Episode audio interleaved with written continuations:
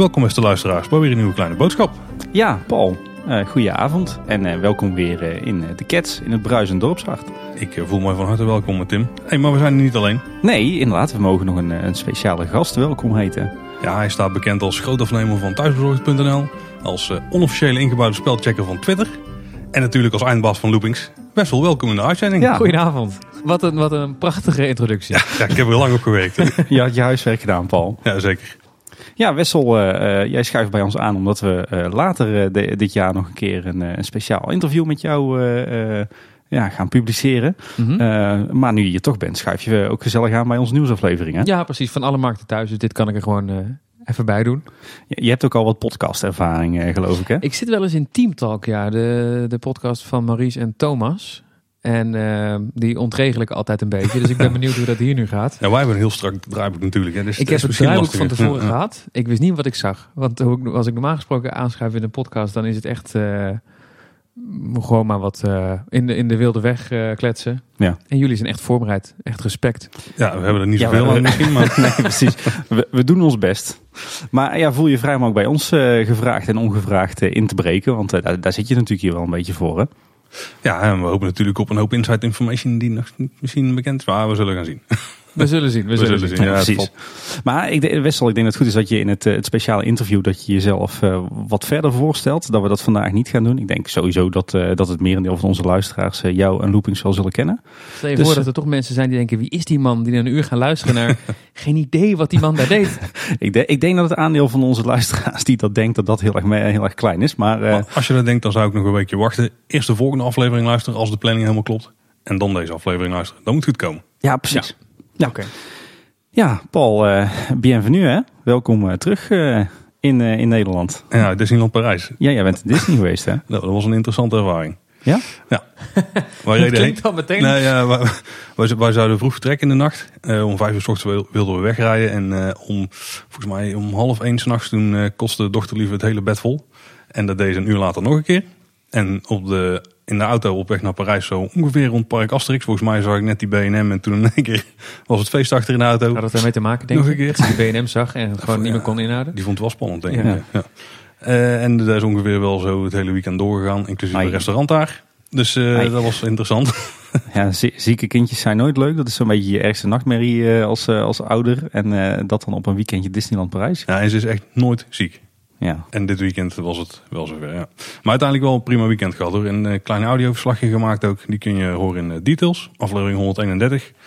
Dus uh, daar ben ik in, toen was ik een ochtendje met de andere dochter het park ingegaan. En dat was meer succesvol dan de dag ervoor, zeg maar. Ja, ik heb ook geluisterd. Ik geloof dat ze, dat ze jouw ingesproken verslag, dat ze dat gewoon, gewoon als één geheel in een podcast hebben opgenomen. Hè? Ja, was iets langer geworden dan, dan de bedoeling was. Maar... Ja, precies.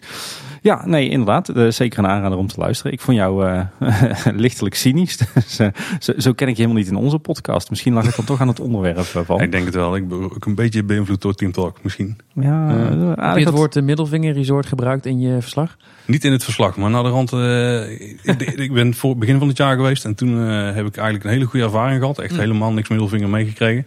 Maar dat was dit keer heb ik wel een paar dingen meegemaakt dat ik dacht van, oh ja, nou snap ik wel een beetje wat van nou. Ik ga wel luisteren. Ah, oké, ja, er, zit, er zit één element daarvan zit in, die, uh, in het verslag, misschien twee. Ja, en veel attracties waren dicht. Ja, en uh, ja. afsluitingen van Main Street, omdat er uh, een kerstboom verlicht moest worden en zo. Dus ik denk van, oh jeetje. Ja, wel heel aparte zaken allemaal, maar ze kunnen er wel van. Hè? Ja. Voor mij is het eigenlijk alweer veel te lang geleden dat ik in, in Parijs ben geweest. Of in Disneyland Parijs eigenlijk. Maar, Toch heb je geen één nieuwe attractie gemist. nee, precies. Ja, dan misschien moeten we even wachten tot, uh, tot de dochters uh, iets ouder zijn. Uh, en dan hopen dat het tegen die tijd een heel andere studio's is. Ja, precies. Ja. Maar genoeg over Disney? ja. Want er zijn per slot van rekening geen details hier. Nee, dit is wel genoeg. Ja. Hey, en ik zie in het draaiboek, Paul, jij, dat jij een feestje had redelijk ja, recent. Daar zat ook wel een lichte Efteling-connectie aan. Die was eigenlijk eerst in eerste instantie wat groter. Want onze lichtman, die lichten zou gaan doen die avond... die heeft ook Baron 1898 en een Symbolica geprogrammeerd. De muziek, of de muziek, het licht daarvan. Oh, oké. Maar die was ziek. dus, dus dat ging niet door. was ook niet de eerste keer dat hij er was. Maar helaas dit keer niet. Maar wat bleek er dus wel een, let op, versterker te hebben die ergens in de Efteling gebruikt is bij, ik vermoed een evenement. Dus niet super spannend, maar dat was het. Nou, Zijn, cool. we, zijn we er weer een. Beetje jammer dat je mij niet had uitgenodigd, maar goed. Jij was uitgenodigd, jongen. Oh ja, dat is waar. hey, misschien moeten we, moeten we snel maar even door naar het eh, inhoudelijke deel eh, van onze show. Dat lijkt me goed. Uh, oh, voordat we beginnen. We hebben luisteraarspost gehad. Hebben we post gehad? Ja. Zat hij onder een bootje 6 in de Fata Morgana? Nee. Hij ja, zat gewoon snel de, de, de bijdrage van uh, Team Talk gekaapt. Hij zat in de brieven op kantoor. Dus een, ik ben wel benieuwd wat erin zit. Het is een pakje van Michel. Oh, ik heb geen schaar nodig. Hij kan gewoon zo. Hij had het al over dat zijn impact skills niet heel goed waren. Oh, bonbons. Wat bonbon? Wat is dit? Antwerpse handjes. Oké, okay, Tim. Check het uit. Ik, uh, ja. Even kijken, wat hebben we gehad? We hebben gewoon chocolaatjes gehad, joh. En ze hebben ook een Albert Heijn in België, blijkbaar. Echt uh, luxury edition. Oh, nog meer? Antwerp. Twee ah, gewoon, joh. Voor jullie allebei eentje. Hey, cool. Nou, jij mag ook mee eten vandaag, Wessel. Oh, dat vind ik heel lief. Hey, heel tof, uh, Michel. Super bedankt. in Capelle. We hebben gewoon uh, chocolaatjes, Paul. Ja, dat is luisteraarspost. Ja, precies. Dit vind ik wel heel vet. Jullie luisteraars verwennen jullie gewoon met lekker eten. Ja, nou ja, jij zegt, jij zegt eerste luisteraarspost, maar we hebben ooit uh, avondboodschap gehad. Onze eerste live-uitzending met, uh, met, met onze luisteraars. En toen hebben we toch ook aardig wat eten en drinken in, met, in de tas geworpen gekregen. Met name alcoholische drankjes. Ja, precies. Nou ja, dankjewel uh, Michel. Super tof. wij nou nooit. Hè? Wij krijgen alleen kogelbrieven bij Loopings. ja, Dat doe je dan toch zelf, Wessel. Ja, dan moet, ik moet toch iets gaan veranderen. Denk ik. Ja, precies. zullen we ze gewoon eventjes, uh, zullen we er alvast een paar uh, proberen, Paul? Nou, zitten weer proeven met kleine boodschap. Ja. Ja, wij hebben geen kookspecial, dan maar gewoon de Belgische praline special, hè? ja, tas toe, zou ik zeggen. Ik pak, ik pak wel de witte, hoor. Ja, we hebben twee doosjes, dus we hebben meerdere witte. Ja, dan pak ik ook de witte. Tuurlijk. Pas bij je achternaam, Oh, er zit nog vulling in ook, Paul. Oh, het is met vulling. Jeetje. Ja, mm. Oh, maar wel goed hoor. Ja, dit ah. kan ik wel hebben hoor. Dit. Ik denk dat ze nu bij Team Talk echt jaloers zijn. Zodra je, zodra je lekker eten hebt. Dit ding heeft ook een bodem, of niet? Een dubbele bodem. Wat zit er nou onder? Daar zit een verrassing. Daar zitten de steekpenningen. Hey, oh, nog een laag. nog een laag. Het is gewoon een dubbele bodem in de chocoladedoos. Met nog een laag chocolaatjes. Lekker man. Hey, dit wordt een hele oninteressant podcast, denk ik. Ja, nee, we gaan nou extra. En, en een vriendin van mij die ook luistert, die is uh, misofonisch. Is dat het woord? Ja. Oh, die kan niet tegen mensen die eten. Nee, ja, die precies. heeft al lang uitgezet, denk ik. Sorry, iets. Hey, we gaan, uh, zullen we doorgaan naar het, uh, het inhoudelijke deel van de podcast? Is een stukje follow-up. Follow we kunnen niet eens meer praten nee, precies. die chocolade. Die chocolade zit klem in mijn verstandskies. Nou, dat lijkt me prima. Tim, jij was niet zo'n fan van het concept van kniezoor. Maar je hebt hem inmiddels zelf gezien. Met volle mond ook. ja, precies, het is echt geen succes. Nee, inderdaad. Ik, eh, ik, ik, denk, ik ben pas geleden uh, een aantal keer in de Efteling geweest. Een keertje ook weer een uh, uitgebreid rondje Sprookjesbos gedaan. Um, en ook bij Kniezor gaan kijken. Want ja, ik moest natuurlijk wel zelf eens een keer meegemaakt hebben. Maar ja, ik ben bang dat ik bij mijn mening moet blijven, Paul. Um, wat sowieso een beetje vreemd was, ik had van tevoren netjes in de app aangevinkt eh, dat ik eh, graag persoonlijke ervaringen wilde in de Efteling. Dat klonk overigens ook heel veelbelovend. Ja. Maar uh, er is alles goed gedaan, dat was zelfs voor mij te begrijpen. Maar ik loop naar Kniesoort toe en hij viel stil. En hij bleef stil. Dus hij heeft mijn naam niet gezegd en mijn leeftijd ook niet. Ik denk dat hij naar de podcast luistert. ik denk dat stem. of dat, ik zal eens negeren. Of dat ergens bij de ICT-afdeling iemand heeft gezegd van nou, bij die, die hinsen daar, daar vinken we even dat vinkje uit. Want maar heeft hij wel iets gezegd? Heb je hem wel horen praten? Ja, toen ik ietsje verder liep, toen begon hij zijn, eh, zijn standaard riedeltje een beetje af te werken. Ik heb het ook gehad. Ik heb, eh, want je kunt je naam veranderen. Uh, om de zoveel tijd kun je, om de paar uur kun je je naam veranderen de Efteling hebt. Dus als je een andere naam wil laten zeggen die voorkomen in, de, in Nederland, oh. dan kun je dat gewoon. We hebben ook een keer een filmpje online gezet dat, uh, dat die Fons en Olaf toevallig toespreekt. nou, dat is gewoon onze eigen app. Dat kun je gewoon veranderen. Dan had ik hem op Mohammed gezet en Ahmed laatst. Maar dan, toen zei hij niks. Ik weet niet of het met de namen te maken heeft. Ja, maar je zou zeggen dat... dat... Soort, want ja, bij jou doet hij het ook niet. Nee, Tim, dus de Hollandse kan bijna niet. Nee, precies. Bij mij heeft het al gedaan, ja. ja ik heb het ook een paar keer gehoord, maar uh, de laatste keer dat ik er was, viel hij mij ook uit. Ik denk dat wij allebei te kritisch zijn geweest over Kniezel dan misschien. Wordt hij boos? Ja, precies. Maar was jouw kritiek ook niet een beetje op de locatie en op het feit dat, uh, dat het zo dicht bij de sprookjesboom staat?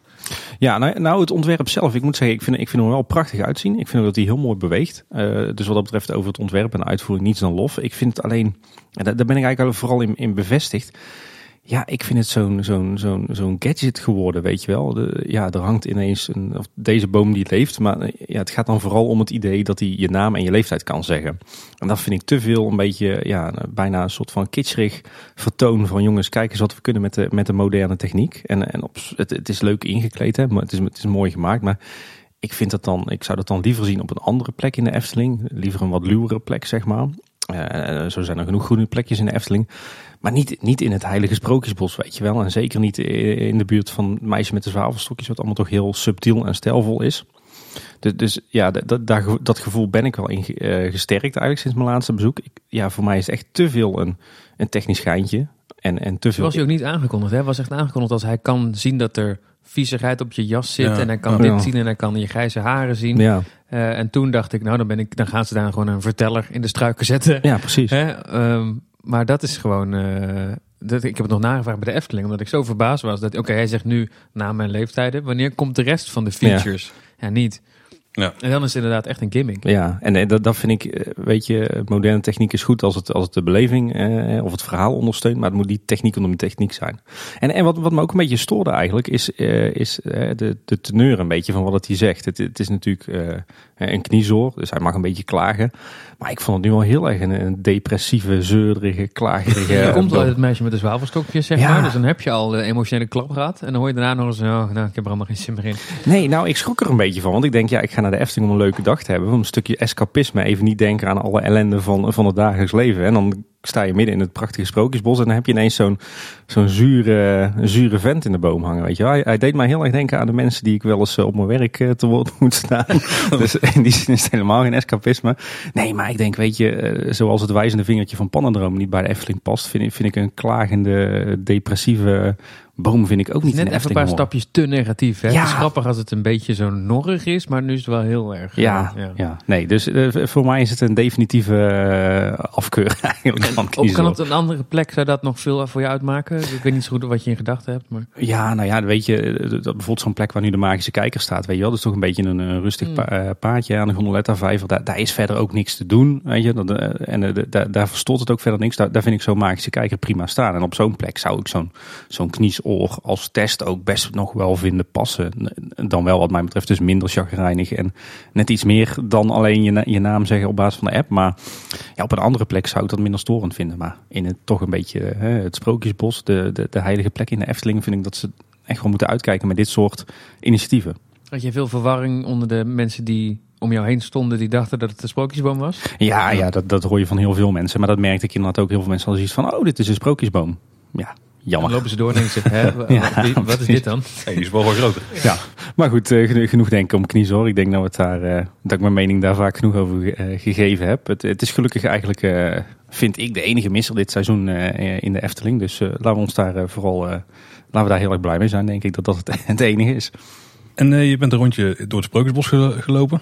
Ja. Ben je nog bij de Indische waterlelies geweest? Ja, want daar hadden we het de vorige keer over. De vorige keer toen we onze nieuwsaflevering maakten, toen, uh, toen leek het erop dat de werkzaamheden bij eh, de uitgang van de Indische waterlelies klaar waren. Dus daar ben ik ook nog maar even gaan kijken.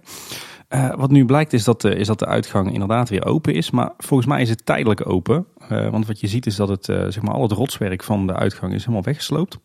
En ze hebben zeg maar de, de, de muren die daar waarschijnlijk achter tevoorschijn zijn gekomen, die hebben ze een beetje met, uh, met cement ingesmeerd met een, met een handveger, zodat het er een beetje ruw uitziet. Uh, maar je kijkt nog gewoon naar uh, zeg maar de oude houten balklaag, dus het oude plafond kijk je tegenaan. Er hangt nou prikkabel. je kan zien dat de plekken in de vloer waar vroeger de rotsen waren, dat ze daar snel wat beton in hebben gesmeerd. Dus ik heb het idee dat, dat zeg maar het dat dit geen geplande onderhoudsklus was. Er, er, zal wel ergens iets zijn losgekomen of zijn gaan scheuren. Uh, waardoor ze toen de tijd de uitgang hebben moeten afsluiten. En hebben gezegd van nou dan slopen we de hele boel er maar eraf. En ik heb het idee dat ze hebben gezegd van nou eh, voor nu is het even goed. we herstellen het op een beetje provisorische manier. Dat iedereen weer netjes via de uitgang naar buiten kan. En dat het toch een beetje smolt. En, en, dat we in een later stadium gaan zien dat ze die, de uitgang weer gaan opbouwen.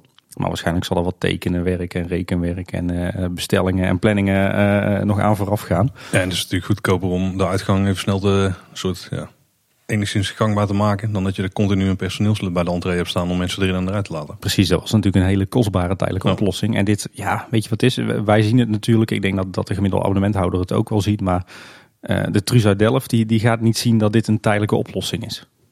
Ja, nou, in ieder geval kan ik nu zonder mijn hoofd te stoten naar buiten lopen. Dat vind ik wel fijn. Ja, ja die houdt, eh, het, het plafond zit inderdaad wel heel hoog, viel mij op. Ik had verwacht dat het veel lager zou zitten, maar dat is dus al die tijd gewoon het, eh, het, eh, het rotswerk geweest. Het design, hè? Ja, precies. ik ben benieuwd, ben benieuwd wat we hier terug gaan zien, maar ik verwacht dat dat ergens in de loop van, ja, zeg, laten we zeggen begin 2019 gaat gebeuren. En Fata Morgana, daar ben je ook geweest. ja, ja een goed rondje gedaan. Ja, precies. Ik, je huiswerk wel. Maar waar, waar kan ik de factuur indienen, Paul? Ja, bij vrouwen denk ik. Oh ja, ja dat is waar. Ja. Nou ja, we Fatima gaan al de, hebben we natuurlijk de afgelopen aflevering ook aardig wat aandacht aan besteed. Er waren nog een paar puntjes. Um, Loopings die had gemeld dat er, uh, dat er wat beplanting... Ja, Loopings. Oh. Die misselijke, misselijke mannetje. Nee, oh shit, daar zit hij. nee, die had gemeld dat er wat beplanting in de jungle alweer, uh, alweer uh, los hing. Nou, die is inmiddels uh, weer gewoon netjes gerepareerd. Want de jungle ziet er weer perfect uit. Wij melden zelf dat uh, de, de, zeg maar de minder valide ingang die nu via de minaret gaat, dat, die, dat dat een tijdelijke situatie zou zijn. Omdat er nog wat werd uh, gewerkt aan de flagstones bij, uh, bij de bazaar. Maar dat blijkt niet het geval te zijn. Want ja, er, er, hangt bijvoorbeeld een bordje melden in de bazaar is niet langer nodig. dus het lijkt er toch op dat, dat ze nu hebben gekozen voor een andere werkwijze. Dus dat, uh, dat zeg maar de, de rolstoelers dat die zich uh, opstellen in een rijtje voor de minaret en daar door het attractiepersoneel gewoon om de zoveel tijd worden opgepikt. Maar dan gaan ze er nog wel iets doen aan hoe uh, het halletje daar of het portaaltje is ingericht. Want nu staan er wat tijdelijke paaltjes en zo met ja, ik hoop van wel. Het, het, het, ik, ik, ik ging er in eerste instantie ook vanuit dat het tijdelijk was. Maar ja, nu is het onderhoud voorbij en nu is het, is het nog op deze manier. En nu zag ik toch een vrij definitief bord. En, en de tekst uh, melden in de bazaar is niet langer nodig. Daar impliceert ook wel dat dit wel een definitieve oplossing is. Het is een definitief bord met de tekst niet langer nodig? Ja. Ja, dat is een typische Efteling oplossing. Ik vraag er komen straks mensen met de rolstoel, die zijn er nog nooit geweest. Die zien, het is niet langer nodig om te doen wat je eigenlijk helemaal niet van plan was. Ja, over, over 15 jaar, ja. Ik zie het nog wel als een nog steeds een tijdelijke oplossing. Een bordje neerhangen kan tijdelijk. Zolang ze nog niks in het portaal hebben gedaan, dan zie ik het nog wel ooit een keer terug verantwoord. Mijn, mijn, de manier is waarop ik die tekst lees niet langer nodig. Dat impliceert toch dat het dus voortaan niet meer hoeft. Maar ja, misschien, misschien heeft gewoon iemand inderdaad snel even die tekst uh, uitgeplot. En uh, luisteraar Ramon, ja wie kent hem niet. Je had het over het lettertype bij het uitgangsbord. En dat het inderdaad het verkeerde lettertype is. Ja, inderdaad. Hè, daar hing een, bord, uh, een nieuw bordje uitgang. Met daaronder mooi in Engels, Duits en Frans uh, ingang. dat was een klein, uh, klein, klein foutje. Dat, uh, dat heeft eigenlijk toen heel snel hersteld. Alleen ons viel wel op van ja, hé, hey, maar dit is toch niet het Fata Morgana lettertype. En Ramon is daar ingedoken en, en, die weet van dat soort dingen heel veel van. En die, zei, die, die gaf aan van ja, er is nu het lettertype Garamond gebruikt voor het onderschrift en dat moet Pretoria zijn. Dus dan gaan we heel diep in op, in op de details. Maar ja. Zouden ze luisteren, de bordjesmakers van de Efteling? Oeh, goede vraag. Daar komen we denk ik vanzelf achter nu. Ja, als het straks weer veranderd wordt, dan hebben jullie het goed gedaan. Uh, ja, als ik keer een bordje in de post krijgen. Ja. Wij doen het ervoor. In plaats van chocolaatjes. Ja, tuurlijk. Ja, oké. Ik zet liever wat dan in een doos chocolaatjes. uh, de gaswinning die ze willen doen rondom Loon op Zand. Voor Loon op Zand Zuid volgens mij vooral. Die, uh, die gaat door volgens de huidige plannen die er zijn. Ja, ja, de vorige keer konden we al melden dat, uh, dat uh, Vermilion Energy uh, een vergunning had gekregen om meer gas te winnen bij Waalwijk. En nu hebben ze inderdaad, zoals verwacht, ook een vergunning gekregen vanuit het Rijk voor extra gaswinning door middel van dat fracking in, in Loon op Zand en Loon op Zand Zuid. Dus dat betekent dat er ook in de buurt van de Efteling ja, op een toch wel zeer twijfelachtige manier gas gewonnen gaat worden. Uh, daar is het laatste woord overigens nog niet over gezegd. Want ik begreep wel dat uh, de gemeentes hier gezamenlijk bezwaar gaan maken bij het Rijk. En ik geloof dat de Efteling daar ook op meelift. Oké. Okay, dus laten we het hopen dat ze nog wat kunnen betekenen. Al is gaswinning over het algemeen nou niet echt een, een gebied waar je, waar je veel aan kan doen. En dan moet de Efteling een keer meeliften op alle bezwaren. ja, precies. Of die ingediend kunnen worden. Ja. Hey, de winter Efteling is begonnen. Ja. Zijn wij er alle drie geweest? Nee, ik ben nog niet. Ik ben op de dag voordat de Winter Efteling begon er gelukkig ah, geweest. Ook al veel gezien, denk ik. Wel veel gezien. En uh, dat, dat ziet er natuurlijk goed uit. Wat ze, de transformatie, de jaarlijkse transformatie die we kennen. Van het Sprookjesbos en het Piekplein en het uh, Volk van Laaf. Um, maar bijvoorbeeld het Reuzenrad heb ik nog niet gezien. Uh -huh. Het Reuzenrad op het Steenbokplein. Ja. Dat is natuurlijk denk ik een van, een van de grote veranderingen dit jaar. Ja. Um, en het horeca-aanbod heb ik ook nog niet geproefd. Want er zijn okay. ook een heleboel nieuwe horeca-dingen. Ja, ja, zeker. Ja. Nou, het Reuzenrad heb ik inmiddels ingezeten. Nou, oh, oké. Okay, een mini reuzenradje. Ja, ik heb ja. mij ook een beetje gedaan. Ja, goed bezig man. Maar ik heb ook nog niks geproefd van het uh, nieuwe horeca aanbod. Wel even gecheckt wat er lag, maar ik ben vooral nog door de week geweest. En dan is het aanbod een stuk beperkter dan, uh, ja, zonde is dat. Ja, dan in het weekend. Ja. Um, zullen we een beetje doorheen lopen Tim, uh, wat er allemaal is gebeurd de afgelopen dagen? Ja, nou ja, ik ben, ik ben er zelf overigens ook inmiddels twee keer geweest. Ook allebei uh, op een, uh, op een doordeweekse dag. Want jij in het weekend was heel lastig. Want we hadden de, de, de uitkopen van VDL eigenlijk in het enige winter Efteling weekend wat we tot nu toe hebben gehad. Dus ik ben er ook alleen door de week geweest. iedere keer maar een paar uurtjes op de woensdagochtend. Maar ik heb wel geprobeerd om zoveel mogelijk van de winter Efteling te zien en ook te proeven. Dus ja. Oh, te proeven ook? Ja, ja, ja, ik heb mezelf gewaagd aan één signature snack, als ik hem zo mag noemen. Nou, we komen er zo langs, denk ik. Precies. Nou, we hadden het net al over de opbouw. Daar begon je het over, Wessel. En uh, er stond ik een uitgebreid artikel in het Brabants Dagblad daarover. Ja, ik heb het gezien met foto's erbij en alles. Dat ze daar het verhaal over de nachtelijke ombouw. En ik heb ooit als een filmpje gezien van volgens mij Walt Disney World in Florida, dat ze dat in mhm. één nacht doen. Dat ze daar gewoon Halloween weghalen en de kerstmis opbouwen. En dat de etalage voor de winkels gewoon kant en klaar klaarstaan. Alleen maar glasplaat eruit, etalage eruit en erin en glasplaat weer dicht. Ehm, dus zo kan het ook. En de Efteling doet daar wat langer over. Die is daar een paar weken mee bezig. Waardoor je dus ook vaak de situatie hebt dat het hartstikke lekker weer is. En dat er allerlei sprookjesfiguren al met sjaals en mutsen uh, zijn. Maar volgens mij kun je daar niet zoveel aan doen. Volgens mij doen ze al ontzettend hun best om, uh, om dat op een goede manier uh, af te wikkelen. En je bent toch afhankelijk van het weer qua sfeer. Hè? Je, ja, soms begint de winter qua weer al veel eerder. Ja, precies. Um, maar ik, ik vind wel dat, dat het elk jaar professioneler gaat. En, en, en gestroomlijnder lijkt te gaan. Zeker ook als je het artikel leest. Dat het echt inmiddels een operatie is waar ze gewoon... Een, ja, dat ligt een draaiboek voor. Oh. Hoe kijken jullie daar tegenaan? Nee, ik heb ze in het verleden nog wel eens gewoon overdag ook eh, dingen zien uh, aanpakken. Maar dat was dit jaar niet het geval. Dus wat dat betreft loopt het inderdaad een stuk meer buiten de openingstijd om, denk ik. Sowieso is wat de Efteling laatste paar jaar doet. Hè. Dat is ook bijvoorbeeld... Um, ik weet niet wat dat Vogelrok ooit een keer in onderhoud was. Want toen werd die onderhoud, dat onderhoud werd geannuleerd. Dus toen vroeg ik aan een woordvoerder, hoe komt dat? En toen bleek het te zijn dat het onderhoud gewoon doorging. Maar alleen s'nachts, wekenlang. dus dat er dan ook gewoon stellages worden opgebouwd. Dingen worden geverfd. En worden dan midden in de nacht net voor openingstijd weer afgebroken. En die attractie oh. gaat weer open. En dat is wel van een professionaliteitsniveau waar de Efteling tien jaar geleden nog uh, van het gezegd dat gaan we nooit doen. Nee, nee. En nu zitten ze er in één keer in. Dus dat is wel echt uh, bewonderenswaardig. Ja, ze moeten naar een 9 plus hè. Ja, dat doen ze goed. ja. ja, en ze zitten natuurlijk steeds meer met die de jaar rond openstelling natuurlijk en, eh, en de internationalisering. Dus ze moeten inderdaad wel. Ik, ik heb inderdaad ook die indruk dat het, dat het dit jaar de opbouw heel soepel is verlopen. Uh, en, en eigenlijk die, die, die eerste woensdag dat ik er was, was eigenlijk de Winter Efteling pas twee dagen uh, gaande. En, en van eerdere edities kan ik me dan nog wel herinneren dat er toch her en der nog werd gewerkt en wat noodverbandjes waren gelegd. En, en dat je zag van, ah, dit is het nog net niet, weet je wel. Maar nu lag alles er gewoon super strak bij. Dus ik heb echt het idee dat na die hele opbouw van de Winter Efteling, dat dat echt, uh, ja, echt, echt gewoon een routine is nu. En dat het inderdaad uh, nog een klein beetje wordt bijgeschaafd waar mogelijk. Maar dat ze het echt wel goed op de rit hebben. En voor speciaal voor jullie ook de nieuwe, weer de nieuwe wintergeur bij Hans en Grietje? Ja, dat doen ze alleen maar voor jullie. Ja, natuurlijk. Moet, ik moet over zeggen dat ik het, artikel in Brabants Dagblad, of eigenlijk stond het volgens mij in alle AD-kranten, ook wel uh, uh, weer leuk vond. Hartstikke openhartig. Uh, heel veel details prijsgeven, maar, maar wel op een hele positieve manier. En dat, dat staat ook wel in lijn met wat je steeds vaker ziet op het Efteling blog. Hè. En laatst ook dat, dat grote artikel over onderhoud in de Efteling na, naar aanleiding van het verdwijnen van de Bob. Ze, geven wel echt enorm veel openheid van zaken. Ja, ze vinden het heel eng. En, uh, want het is natuurlijk uh, achter de schermen en de magie weggeven. En ben je dan niet de verwondering straks kwijt? En daar maken ze zich wel heel veel zorgen over. Maar steeds vaker doen ze het toch en pakt het heel goed uit. Ja, ja weet je, dus, mensen vinden het gewoon hartstikke leuk, denk ik, om te zien van, oh, zo wordt de Winter Efteling opgebouwd achter de schermen. Dat hartstikke spannend. zelf ook door. Ja. Dat dat soort dingen gewoon positieve publiciteit opleveren. Ja, loop een beetje vooruit op de feiten, maar in het artikel over de zes zwanen, wat in de, in de wonder stond, en ook in de Napelblog, daar zei Sander de Bruin volgens mij inderdaad nog wel dat het dat als je weet hoe het werkt, dat dat dan wel de magie een beetje weggeeft, zeg maar. Want dat is hetgene wat we willen voorkomen natuurlijk. Ja, precies. Dus, je moet eh, altijd een beetje die balans zien te vinden. Dus je wil wel openheid geven, maar je wil wel dat mensen verwonderd blijven als ze het helemaal zien. Niet dat ze dan de, de het effect zien en denken, oh ja, hier heb ik over gelezen, dit effect zo en zo. Maar dat je wel denkt, oh wauw. Ja, ik zeg trouwens verkeerd, dat was uh, Frans Gounet.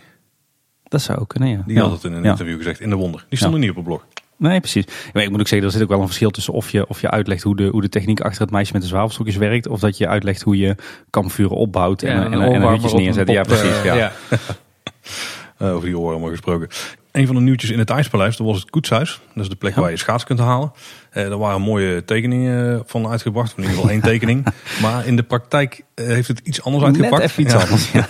Volgens mij, ik weet niet of we het tijdens de podcast hadden uitgesproken, maar we waren een beetje bang dat het gewoon een ja, bedrukte platen festijn zou worden. Ja, daar, daar was jij heel erg bang voor. Ik zei toen nog van nee, dit wordt prachtig met, uh, met gesneden schuim en uh, polyester eroverheen en mooi gedecoreerd. Maar, ja, dat is bijna gelukt. ja, niet dus.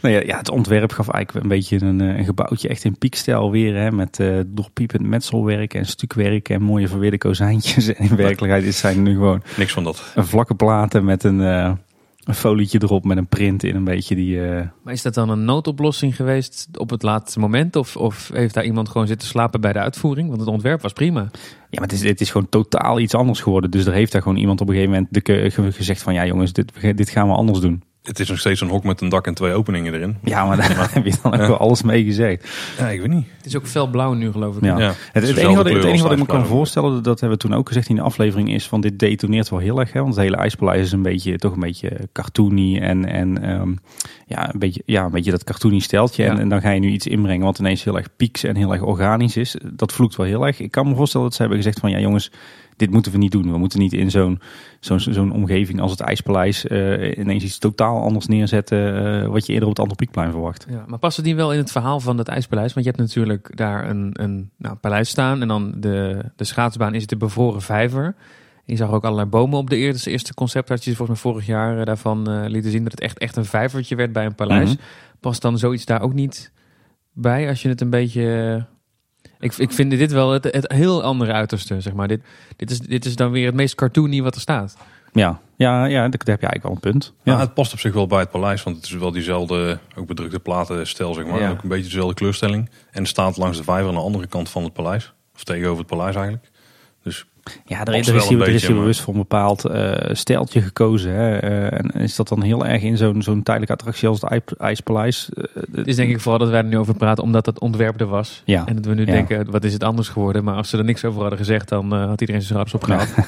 ik, ik, hoop ooit nog wel op, op, op een, een, een, een, prachtige ijsbaan met, met piekse geveltjes en, en, en bruggetjes en, en lampjes en boompjes. Dat is ook wel logisch. Dat zit er qua tijdelijkheid en qua op- en afbouw en qua kosten natuurlijk uh, zit dat er waarschijnlijk niet in. Maar ja, ja dit, is toch weer een ander steltje dan wat we een paar jaar terug hadden in het IJspaleis. En uh, ja, daar, daar, hou je van of niet. Het is in ieder geval uh, nu allemaal in één, één stijl. Ja, het, ja dus, klopt. Het, het vloekt niet zoveel als, het, ja, als het, het eerder ontwerp. Dat klopt. Ik ben dus in Reuzenrad geweest. Eigenlijk, ja, mag je het een Reuzenrad noemen? Met, uh, op, de, op de Beierse Markt, dat Reuzenrad. Ja, ja, ja, ja. En uh, het was op een rustige dag. Dat was wel mooi, want dan kan je gewoon instappen. En dan mag je zo lang blijven zitten als je wil. en als je zwaait... uur in het ja, een rondje of zeven of zo. maar dat was vooral omdat de kinderen het uh, ontzettend leuk vonden. Behalve het eerste rondje, dat vonden ze echt super eng. ja, ja, de kinderen vonden het leuk, Paul. Die kennen we onderhand wel. ja, je bent zeker ook voor de kinderen naar Disneyland Parijs geweest een heel weekend. Ja, ja. ja. behalve voor de kleinste. Ja, ander verhaal. En je kunt dan gewoon zo lang blijven zitten als je wil. Uh, totdat je ja, zwaait en dan mag je eruit. En het is een bakje uiteraard los. Dus het is ook best wel een schommel als je fanatiek instapt. Zoals ik natuurlijk. Mhm. Dus uh, ik denk dat ze dat wel spannend vonden. En uh, ja, het gaat niet super hoog. Ik had het erover, dan kunnen we het dak inspecteren van de steenbok. Maar dat viel... Oké, okay, ja, dat ja, kan wel. Niet. Ja, je kunt het wel net zien, maar dan, dan houdt het ook wel op. Ik denk dat je dat je er net een metertje bovenuit komt of zo uiteindelijk. Nou, het zal anderhalf zijn misschien. Maar. En er staat ook Efteling personeel bij, hè? want het is dus geen Efteling attractie. Ze huren hem in, alleen voor, voor de wintermaanden. Maar er staat wel Efteling personeel, is daar geschoold om daar uh, te ja, mogen bedienen. Er staat één iemand, dat is volgens mij ook meer dan voldoende. Want je hebt zes bakjes, ja, die moeten ze in de gaten houden, kijken of dat er een rijtje staat. En misschien denken ze op de drukke dagen wel dat mensen eruit schoppen. Of dat je met twee rondjes mag zitten of weet ik veel wat. Uh, wat dan wel onhandig was van het feit dat je mocht blijven zitten en eruit mocht wanneer je wilde. Is dat ons eerste rondje duurde ongeveer uh, vier minuten denk ik. Want er was steeds wachten, mensen eruit, mensen erin. Weer één bakje omhoog, wachten, mensen eruit, mensen erin. Ja. Maar toen bleef iedereen zitten, dus toen kon een paar rondjes doordraaien. En hij ging zelfs de andere kant op. Nou, het is ongelooflijk. Ik dacht even dat je zegt, hij ging zelfs over de kop, maar zo extreem was het ook weer niet. Als je flink schommelt, dan zou het in theorie kunnen, als je het goed tuint. het, is niet, het was niet zoals dat reuzenrad op Coney Island, zeg maar, waar die bakjes uh, alle kanten uitvliegen in dat rad, zeg maar.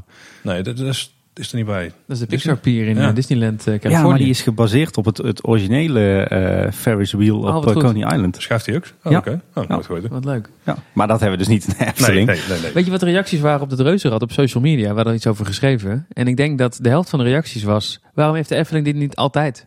Klein, ja. Het is een klein reuzenradje, dat is gewoon op het, op het Anton Pieckplein of als ja, Anton snap ik het wel dan, waarom ze daar niet hebben. Want als je daar een beetje in de lucht zit en je kijkt rond, is een beetje hetzelfde in de slakken. Dan is het uitzicht niet altijd even mooi. Ja, maar het, het idee van zo'n kleine schattige invulattractie, dat is, uh, volgens mij bestaat dat helemaal niet in de Efteling. Nee, nee, ik, ik heb vorige keer al gezegd, de Efteling kan volgens mij niet, uh, niet genoeg nostalgische kermisattracties hebben. En ik zou wel heel graag een, eh, een, een kleinschalig reuzenradje willen, willen terugzien komen in de Efteling, ja. Absoluut. Ja, misschien moeten ze de capaciteit technisch om dan iets verbeteren, dat je misschien in drie bakjes tegelijk kunt instappen of zo. Dat er iets meer bakjes zijn. Denk ja, dat, dat is details prima, maar, uh, maar, maar, gewoon een schattig reuzenradje. Inderdaad, dat zie ik echt nog wel in de Efteling. Uh, zou ik nog wel voor me zien, ja. Dit zou misschien wel een test kunnen zijn van uh, werkt het? Hoe operationeel technisch, wat kunnen we er allemaal mee? En, ja. hij staat ook nu bij de attractielijst. Als je ook de app opent, staat er ook nostalgisch reuzenrad ja, ja, als attractieaanbod. Nou, ik vond het een hartstikke leuke verrassing. Misschien wel de leukste verrassing van, van deze winter editie Ja, volgens mij trokken heel veel mensen al de vergelijking met de attractie 2021 moet er nog aan wennen dat ik het zo moet zeggen. Ja, precies. Zeggen jullie niet gewoon circus achtbaan? Ja, dat zou eigenlijk wel moeten. Hè? Ja, probeer het diplomatiek te brengen. Maar uh, oké, volgens Loopings is het een circus achtbaan die gaat komen. Ja, precies. ja, ik ben eraan gewend. Ik heb ook altijd, toen ik daar nog aan de Vliegende Hollander werkte, was het altijd attractie 2006. Dus ja, ik ben niet anders gewend dan, dan, dan het zo te benoemen. Nou, oké, ja, ik, ik vind vooral even wennen dat het jaartal is veranderd. Ja. ja. Maar inderdaad, die stijl past wel bij een kermis. Of kermis bij een... Ja, kermis, circus, een beetje die, uh, die categorie. Ja, zeker. Ja, en, en ja, ik, ik zou het helemaal niet uh, misstaan, uh, vinden misstaan op het plein voor zo'n attractie. Zeker ook omdat Koen Bertens laatst heeft gezegd... Er komt niet alleen een nieuwe attractie in 2021, maar ook wat infill attracties erbij. Volgens mij gebruikt hij dus zelf letterlijk dat woord. Ja, ja, ja, ja. dat was, was Koen Sanders geloof ik. die kleinere dat in, attracties volgens mij werd het genoemd. Ja, dat even kijken. Oh, oké, kleinere attracties, ja. Het, hij gaf in ieder geval aan dat het een themadeel werd met, uh, met, met dus inderdaad een grote attractie, met horeca volgens mij en met kleinere attracties. Een uh, compleet themagebied. Ja. ja, daar zou dit natuurlijk wel perfect staan. Ja, ja wat draaimolletjes en wat, wat schietkraampjes en uh, daar kun je heel veel mee volgens mij. Ja, in dit themagebied komt naast het Efteling Hotel een nieuwe attractie en een paar kleinere attracties. Ah, oké, oh, dat haal je gewoon van de Efteling blog. Daar staat het gewoon, joh. Ja.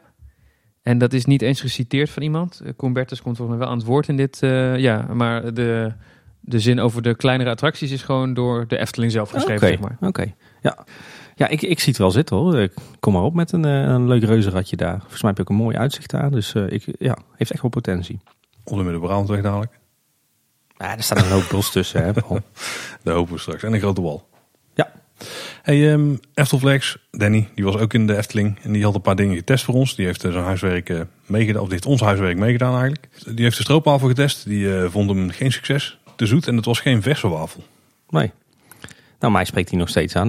ja, het maakt niet uit wat ze in de, in de salty karamel dopen, maar ik uh, wil hem wel proeven hoor. Ik heb hem nog niet geproefd overigens, want uh, alle tentjes waren dicht. Die ik heb er nog geen positieve verhalen over gehoord van mensen nee? die hem geproefd hebben. Omdat je toch bij stroopwafel, ik ben ook van de Efteling gewend dat, je, dat ze hem echt live voor je maken. Mm -hmm met stroop. Uh, en uh, ik heb verder geen verstand van culinaire zaken. Maar uh, ja, als je zo'n kant-en-klaar ding krijgt, hard. Ja, dat is toch iets anders dan ik gehoopt had. Ja, ik hoorde de theorie dat misschien de dips ook warm waren. Dat daardoor de, dat de koek weer loskwam van de stroop of zo. Ja, inderdaad. Maar, maar... lijkt me sterk. Maar... Nee, want ze doen het op een paar plekken nog wel. Dan kun je gewoon nog steeds een verse stroop afhalen. Ja, heerlijk. Ja. Ik zou dan denken, zit daar die bakken dip ook binnen? Ja. Dat is weer, dat is weer veel te logisch gedacht. Ja. Dat ja. Uh, vindt Efteling af en toe heel moeilijk. Ik, uh, ik ga hem eens wel zelf proberen. Hopelijk valt hij mee. Mij spreekt hij nog steeds aan. Maar dat kan misschien ook met mijn, mijn hunkering naar karamel te maken hebben. Nou ja, en er was dus ook een ijsdonut. Tenminste, dat dachten we met z'n allen. Maar daar zat eigenlijk helemaal geen ijs op. Op de winterse donut special, of hoe heette dat ding? De donut ijspaleis special. Op thee. Zegt het draaiboek. ja, dus voor een ijspaleis special geen ijs op de donut. Dat is toch nee? wel jammer hè? Ja, daar zat een of andere leuke, leuke versiering op, hè, geloof ik. Dat was een beetje de Donut IJspaleis special. Ik heb hem dus niet gecheckt, dus moet, de antwoord ja. moet ik je schuldig blijven. Maar er zijn wel een hoop hartige wintersnacks. Ja. Uh, die hebben ze eigenlijk na de laatste aflevering bekendgemaakt. Ja, de vorige aflevering hadden we alle zoete Winter Efteling snacks. En nu, uh, nu inderdaad nog een rijtje extra hartige Winter Efteling snacks. Bij glad ijs, Tim? Waar, waar is het eigenlijk? Daar is volgens mij een buitenverkooppuntje bij Polles Keuken. Waar ze normaal gesproken zomers die uh, slots oh, verkopen. Die. Hebben ze vorig jaar dus de vlamkoegen? Oh ja, ja klopt ja. dit jaar ja, dus, uh, ja. wat hebben ze dit jaar? Nou, een warm broodje beenham met honing mosterdsaus of pittige rode paprika voor 5,25. Ja. ja we weten... Gewoon nu de horecafolder van de Efteling gaan voorlezen. Ja, we weten het allemaal. Hey, hebben ze bij de Panini Bar van Baron 1898 eigenlijk nog uh, lekkere dingen deze winter? Nou, dat kan ik jou vertellen, Wessel. Wat doen jullie dat leuk, jongens. Dit moeten we vaker zo doen. Dan hebben ze dan hamkaas, uh, kip of caprese paninis. En hoeveel betaal ik daarvoor? Nou, ongeveer 4,75 euro. Oké, okay, oké. Ik kan niet meer in kwartjes praten, want die bestaan niet meer. Maar... Nee, precies. Dan uh, hebben we ook nog in, uh, in, in, bij alle broodje Unox uh, kramen hebben we dus een winterspecial met extra rode ui, gebakken spekreepjes, kaasvlokken en honing mosterdsaus. Voor als je s'avonds je, je vrouw niet meer wil zoenen. en er is een winterse burger bij de Burger Bakery en de Likkebaard. met zuurkool, augurk, spekreepjes en gele mosterd. Overigens spreekt die me wel heel erg aan hoor, moet ik zeggen. Goeie combi. Ja, ik vind het ook wel tof dat ze het broodje Unox een beetje weer een special edition ervan hebben. Het is toch wel echt een vaste ding in de Eftelingen. Dus de Eftelingse signature snack. Ja, precies. Ja, bijna wel. Ja, ja, wel, tof, wel tof inderdaad dat er zoveel winterse varianten komen nu. Want er is ook bij het gebraad, uh, de oude grootmoederskeuken, vind je ook een winterspecial. De ambachtelijke gehaktbal met uh, zuurkool, spekjes en ook met mosterdsaus. Hey, en heeft een van jullie misschien uh, iets nog geproefd van, van tosti-achtige dingen bij de Gulden Garde? Ja, ja, ja, ja. Oh, oké. Jij ook? Of, nee, nee. Nee, nee. oké. Nee, ik heb inderdaad bij de glazen kat de, de wintertosti op. Van, met brie, walnoten en cranberry kompot. En die smaakte verdomd goed, moet ik zeggen. Die hebben ze ook bij de Gulden Gaarden, anders dan klopt het uh, niet. Ja, even, goed bezig Westel. Nee, die was, eh, die was best lekker. Een lekkere, uh, goede, goede kaas en een beetje dat knapperige van de walnoot. En dan een, eh, een beetje een frissig zuurtje van die cranberry kapot. was een mooie, mooie emulsie van smaken, een mooie compositie ook. En uh, ja, een goed mondgevoel. Dus... Volgens mij moeten we een beetje gaan pivoten met onze podcast. nee, dat was gewoon een goede tosti, dus okay. die smaakte goed. En je kunt ook nog een, eh, een braadworst halen met aardappelsalade en mosterdsaus. Op Steenbokplein. Ja, ik uh, moet zeggen dat ik uh, aangenaam verrast ben. Niet alleen door de winterefteling uh, als, als geheel, maar zeker ook door al die, ja, door ineens dat totale ja, oppimpen van het horeca aanbod. Met, met best wel veel winterspecials. Ben ik heel blij mee eigenlijk. Ja. Dat, de Efteling daar, daar tijd en energie in steekt. Dat is ook wel echt een van de zwakke punten was dat jaren geleden van de Efteling. Het horeca aanbod. Ja. En je merkt wel dat ze stapje voor stapje onder andere met dit soort dingen wel echt, uh, echt stappen aan het maken zijn. Ja. Echt goed. Nee, maar dat is echt super leuk. Weet je, je had in de eerste winter Eftelingen was het dan met name uh, de, de stampot, uh, de schrobbelair en, en de witte chocolademelk. Maar dit is wel echt leuk inderdaad dat je dus overal in het park net even die wintervarianten kan krijgen. Nee, dit is wel tof gedaan ineens, deze winter Efteling. Ja, het is veel completer en ze pakken er ook maar uit. Dus voor mensen misschien ook, ja. het is misschien niet de reden om naar de winter Efteling te gaan, maar het zal ze al echt een beetje helpen. Het, het, is wel net even dat nou beetje extra. Als, als Loopings dan schrijft over er zijn nieuwe wafels in de Efteling met een plaatje erbij, dan zie je wel op Facebook een paar honderd mensen die elkaar gaan taggen met we moeten weer naar de Efteling toe. Dus wie weet dat het voor sommige mensen toch de terug kan dus wel, ja, ja, precies. En dan hebben we nog eh, misschien een van de hmm, meest dubieuze veranderingen deze winter Efteling. Ik ben bang dat ik weet waar je het over gaat hebben, Paul. uh, er was uh, een actie, uh, meer een soort van promotieactie van een, ja, wat was het? Ouderen die thuis zitten. Oh, innocent smoothies, hè? Maar dan moeten jullie dat mij eens uitleggen wat dat nou precies was. Want ik heb het persbericht gelezen. We hebben het over Langnek die, die een nieuwe muts krijgt, volgens mij. Hij heeft hem inmiddels op. Hij heeft hem inmiddels op. Ja, dit, dit maar wat was nou die actie? Want ik heb het persbericht gelezen en ik snapte na afloop nog steeds niet hoe de Efteling, wat de Efteling nou denkende was toen ze dit deden. Hebben jullie een idee? Ik denk dat er een hippe marketingmanager van het merk Innocent Smoothie naar de Efteling heeft gebeld. Naar, naar een hippe marketingdirecteur daar. En die heeft gezegd, wij hebben een leuke actie. Uh, wij willen publiciteit, jullie krijgen publiciteit. En dat ze allebei dachten, nou, leuk idee, gaan we doen. wat heeft dat dan in godsnaam met eenzame ouderen te maken? Want daar probeert Langnek volgens het bord wat nu naast het sprookje staat... aandacht te vragen doordat hij een nieuwe muts heeft. Nou, blijkbaar is eh, breien tegenwoordig een groepsactiviteit. Want daarmee promoten ze het, want er kwamen oudere mensen daar breien. En die deden dat wel samen, dus daar ter plekke. Maar dan, maar, dat is misschien wel zo, maar... Maar wie waren die oudere mensen dan? Waren die lid van een breiklub? Of waren die van Innocent Smoothies? Of waren die van de Efteling? Of waren die gewoon willekeurig uit een bejaardenhuis gehaald? En waren dat ook eenzame ouderen? Of waren zij gewoon breispecialisten? En van welke breivereniging dan? En waarom zitten zij daar? en dat waren allemaal vragen die ik, die ik me opkwamen toen ik dat persbericht las. En ik dacht, ja, ik snap dat je, er is iets met breien, Efteling, smoothies en eenzame ouderen. Maar wat nou precies die combinatie daarvan is en waarom het bij elkaar hoort, dat bleek helemaal nergens uit. Nou ja, volgens mij is het korte de bocht zo. Innocent Smoothie wil gewoon laten zien dat ze maatschappelijk verantwoord ondernemen. Want dat is een beetje, denk ik, ook het segment waar ze op, waar ze op richten. Uh, daarvoor hebben zij die eenzame ouderen campagne. En door te breien proberen ze dan ouderen bij elkaar te brengen. En als ludieke actie hebben ze een aantal van die ouderen. En dat waren volgens mij nou juist niet eenzame ouderen. Maar die hebben ze in de Efteling neergezet van brei nou is een muts voor langnek. En dat was gewoon een leuk persmomentje. Ja, en het persbericht stond dat jong en oud Efteling-bezoekers spontaan gingen meebreien toen ze het IJspaleis binnenkwamen. Ja. Nou, was ik er niet zelf bij, maar ik vermoed dat er maar weinig jonge Efteling-bezoekers zijn die die dag meegebreid hebben aan die de van kunnen breien. En dat het vooral de smoothie ladies waren die daar op uh, tegen betaling waarschijnlijk ik denk dat je er wel eens gelijk aan hebben. Ik heb wel de foto's gezien, maar daar stonden weinig jongeren op. Volgens mij stond er in de krant in Brabants Dagblad een heel artikel. En er zat daar ook een, eh, een Efteling ornamenthoudster bij uh, van uh, onder de 60. Oh, oké. Okay. Oh. Die toch nog kon breien. Onder de 60 breien, dan ben je jong. ja, precies. Ja, absoluut. Ja. 59. Maar, ja, en een half, ja. Op zich, ja, weet je, sympathiek. Het kan geen kwaad, zo'n actie. Het is hartstikke leuk. En wij zijn straks weer van die muts af. Want volgende winter heeft hij gewoon weer zijn, zijn oorwarmers op. Ja, precies. Want het ziet er eigenlijk niet zo best uit. Hè? Langnek heeft best wel een mooie kop. En die oorwarmer, die uh, oorwarmers die hij normaal gezien heeft, die, die, doen daar weinig aan af. Maar dit was wel een beetje, uh, ja. Ja, heeft hij eigenlijk dit jaar nog de ijspegel op zijn neus? Ja. Ja, hm. ja, ja. Ik, ja. Die muts is een beetje een uh, muts op een modderschuit geworden. Ja, winter Efteling en vooral de, het najaar, dat betekent dat de Efteling ook weer pas om 11 uur s ochtends open is. Ja. En uh, hoe vaak heb je al voor de poort gestaan? Om 10 uur? Ja, ik vind het wel wennen. Het, eh, het, is wel iets, ik had het gelukkig wel in mijn systeem zitten, maar het is voor, uh, misschien richt ik me nu heel erg op mezelf, maar het is eigenlijk voor ouders met jonge kinderen is het eigenlijk niet, helemaal niet handig. Nee, dat de Efteling pas om 11 uur open gaat. Ook voor verblijfsgasten, want die zijn op een gegeven moment klaar met ontbijten om, nou wat zal het zijn, 9 uur. En wat moet je dan de komende twee uur doen? Ja, die, die hangen uitreiken. Ja, oh, ja, precies. Die kunnen lekker daar shoppen en uh, naar de bioscoop en uitreiken. Ja, ja. en uh, escape doen en zo. Ja. Nou ja, die hangen volgens mij een beetje doelloos rond in de proeftuin. Zonde is dat, hè? of zo. Nee, ja, ja het, is gewoon best wel onhandig. Want ja, ik weet, met de meeste kiddo's die gaan, hebben een beetje hun, uh, hun kwaliteitsuurtjes ochtends. En dan gaan ze ergens slapen tussen 12 en 1. Dus ja, je moet van goede huizen komen om dan s ochtends toch nog een beetje en, uh, wat van de Efteling te zien. Dus dat vind ik, uh, vind ik persoonlijk onhandig. Maar... En dan kom ik weer met een papa-anekdote. Maar ik had vroeger altijd papa-ochtend. Ja. Maar dan heb ik uh, omgekat naar een papa-middag. Want dan kon ik tenminste naar de Efteling ook in de winter. Zo. Jij doet het echt allemaal voor de kids, hè Paul? Ja, alleen maar voor de kids. Die vinden dat mooi. Nee, ja ik, ik, ja, ik zou er wel een lans voor willen breken om ook gewoon in de winter om tien uur open te gaan. Dan heb ik goed nieuws voor je. Oh. Want uh, vorig jaar gaat dat ook gebeuren in de kerstvakantie. Dan oh. is de Efteling in de kerstvakantie van, uh, van 10 tot 8.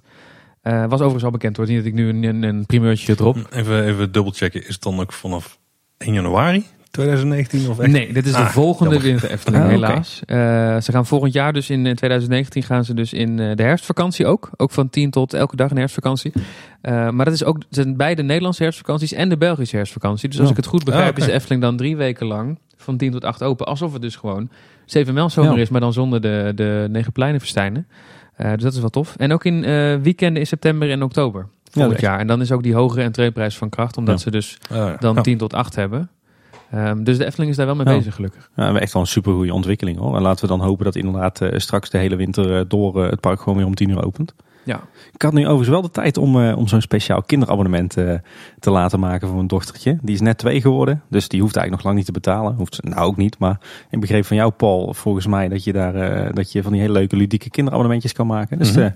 dat heb ik maar gedaan in die tijd dat ik over, over had. En ja, ik ben bijzonder vriendelijk geholpen bij de gastenservice. En mijn dochtertje is nu kei trots op haar eigen Efteling abonnement. Wat krijg je dan? Gewoon een, echt hetzelfde pasje? Nou, hij staat uh, daar in, uh, in de klapperwessel. ja, de, onze, onze doos met chocolaatjes staat ervoor, maar... Uh... Het zijn uh, zulke. Het zijn gewoon precies een normaal abonnement. Oh ja. Alleen als je deze scant, dan piept hij één keer. En als je een normaal abonnement scant, dan piept hij twee keer. De controle in het. Of het is andersom. Maar er zit dus verschil in. Ja, precies. De, de, de dames bij, bij, de, bij de poort, die, althans, er werd nieuw iemand ingewerkt en die kreeg te horen... Ja, nu zie je een groen schermpje, maar met een rode balk. Oké, okay. okay. dus dat, dat is niet opgevallen. Maar in ieder geval wel, wel super tof, want ze vragen hier ook geen geld voor. Het is gewoon gratis. Het is en, natuurlijk, het, en ze weten precies wanneer je kind vier wordt. Ja, precies. Tuurlijk, het is natuurlijk, natuurlijk in die zin een, een controle-instrument. Maar ik vind het wel een hartstikke sympathiek initiatief. Ja, kids vinden het ook super, super tof. Maar... Ja, ja, ik kan het iedereen aanraden. Maar het is uh, natuurlijk, vooral als ze weten wanneer ze vier worden, dan kunnen, kunnen ja. ze meteen geld gaan afschrijven. Maar ja, ik zei ik denk dat je twee maanden van tevoren een mooi een briefje krijgt. Ja, maar weet je, ze mogen mijn geld hebben daar hoor, bij de Efteling. We krijgen er uiteindelijk toch een BNM voor terug, of, uh, of een droptoren, of ja, een... daar moeten het maar over hebben. Uh, ja, dus voor mij mogen ze mijn geld er wel voor, er wel, voor hebben. Of iets wat me ook wel opviel, is dat ik toch merkte dat ik de, de speciale winterse achtergrondmuziek een beetje miste. Ik weet niet of jullie dan weten wat, wat ik bedoel. Uh, maar... Ik weet van heel vroeger dat je wel echt op paden en pleinen daar zo'n echt een speciale wintersoundtrack had. Ja. Ik kan hem zelfs nog meeneuren, zal ik jullie niet aandoen. Maar ik weet nog precies dat je daar uh, echte winter, winternummers had. Dat was waarschijnlijk gewoon van een stokmuziek uh, cd. Ja. De eerste winter Efteling edities waren dat. En nu heb je dus gewoon de normale parkmuziek met uh, een koortje er doorheen volgens mij. Maar hier en daar een tingel. Ja, precies. Ja, en een paar kerstbellen inderdaad. Ja. En een beetje René Merkelbach getingeltangel. Nee ja, op zich, het is wat jij zegt Wessel. Het was inderdaad een beetje volgens mij samenraapsel van de technische dienst. Of van een of andere geluidsman daar. Die had een leuk cd'tje gebrand. Uh, en nu is het inderdaad gewoon professionele achtergrondmuziek. Maar ergens was dat toch wel een sfeermaker hoor. bedoel, het, dat, die muziek dat, dat ging van hele, hele frivole, enthousiaste deuntjes tot, tot heel zwaar en, en, en bijna deprimerend. En je hebt René Merkelbach gewoon onder speeddaal zitten op Ravelijn. Dus als je gewoon zegt, maak eens iets heel nieuws, maar dan typisch winters. Ja dan is dat volgens mij niet zo moeilijk. Aan de andere kant zijn er misschien ook mensen die de Efteling maar één keer per jaar bezoeken en dan de winter Efteling heel leuk vinden, want gezellig. En dan alleen maar de wintervariant horen. Maar ja, dat heb je natuurlijk met meer dingen in het park. Die ja. Ja, ik, moet zeggen dat, dat, dat de parkmuziek nu weinig, dat, weinig deed. Het draagt in ieder geval niet bij aan de wintersfeer in het park. Of zo, weet je Terwijl, terwijl die, die oude muziek, hoe, hoe slecht het dan misschien dan ook was, uh, als de kenners het zouden beoordelen, dat bracht je wel echt meteen bam in die wintersfeer, weet je wel. Dat, uh, ik merkte toch wel dat ik dat nu al een klein beetje miste. Dat is wel echt een aanjager van die wintersfeer. Ja, René is natuurlijk midden in de verhuizing van zijn studio. oh ja, dat ook nog. Ik heb wel zeggen, maar dat had veel druk. Ja, dat had hij wel een paar maanden geleden kunnen doen dan, maar... Nee, maar ik heb er hartstikke naar mijn zin in de winter. Ik ben blij dat hij weer begonnen is. Voor mij toch een van de hoogtepunten in het jaar. En uh, ja, tot nu toe een twee bezoekjes uh, super tof. Dus uh, ik ben blij dat, dat het weer winterefteling is. Tim, ben jij nog in de buurt van Assenpoester geweest? Nee. Want daar zijn ze afgelopen dinsdag, geloof ik, begonnen met, met bouwen. Goed bruggetje, Wessel. Ja. ja. Ik ben er vandaag gaan kijken, maar ze hebben al flink wat bouwwerk opgetrokken. Dus je moet er echt al uh, met je camera overheen hangen als je nog foto's wil maken. Ja, we hebben foto's binnengekregen van Loopings. Die hebben we gepubliceerd. En uh, ik hoorde ook van degene die ze gemaakt had. Nou, als ze vragen hoe dit uh, gegaan is, dan ben ik op de gebaande paden gebleven hoor. Maar ik vermoed dat die een stukje is gaan lopen om daar, ja. Ja, want we hebben het even voor duidelijkheid over de Zes Zwanen. Het nieuwe sprookje dat, dat volgend, jaar, volgend najaar gaat openen. En ja, daar zijn inderdaad nu de, de werkzaamheden begonnen. Uh, officieel op dinsdag 20 november, begreep ik ergens. Maar eerder waren er al uh, zo'n beetje alle bomen gekapt. Ik, ik, heb het zelf, zelf overigens niet, niet gezien vanuit Sprookjesbos, inderdaad wel vanaf de parkeerplaats. En ik had het idee dat ze nu nadat de bomen zijn gekapt vooral bezig zijn met, met het grondwerk. En met het aanleggen van, van kabels en leidingen. Dus een beetje de voorbereidende werkzaamheden. Goed om te zien dat ze begonnen zijn. Ja, en er werd ook wat onthuld door ontwerper Sander de Bruin en een collega in de wonder over wat er precies nou bij dat sprookje gaat gebeuren. Ja, en een plattegrondje erbij zag ik. Ja, klopt. Ja, collega was Stephanie van der Dries. Dat was volgens mij de engineer voor dit project. Ja, de lead engineer geloof ik. Kijk, heel goed. Stonden daar nog zaken die we nog niet wisten?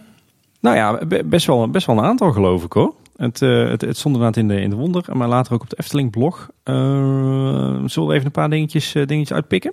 Ja, lijkt me goed. Uh, Sander die gaf, even, die gaf nog aan van er wordt inderdaad een fragment van het verhaal uitgebeeld. Dus niet het, het hele verhaal. Ik denk dat dat wel iets is waar we blij mee zijn. Geen assenpoester. Nee, precies. Nee. Het, uh, het hoofdtafereel uh, dat gaat zich afspelen in de gewelven van het slot van de koning. En mm -hmm. daar zit Elisa in alle stilte te breien te midden van honderden bosasters. En dat serene tafereel, dat willen ze wonderlijk presenteren met flonkerende asters en glinsterende dauwdruppeltjes. Dat is ook volgens mij het belangrijkste speciale effect van het hele sprookje. Hè, waarover gesproken werd van, nou daar zijn we nu mee bezig. Hoe gaan we dat nou vormgeven? Ja, ik las iets over een combinatie van meerdere technieken die al nu in de Efteling werden toegepast, maar nog nooit samen. Dat ja. dan toch wel, volgens mij was dat ook hoe ze Symbolica destijds presenteerden. Ah, misschien toen zeiden ze ook van uh, meerdere technieken, maar toen er zijn ook een aantal dingen geschrapt daar. Symbolica zou ook videoprojecties krijgen bijvoorbeeld.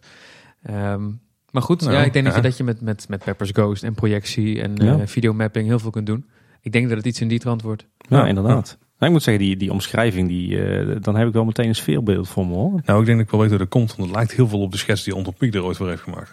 ja, daar zit wat in, ja.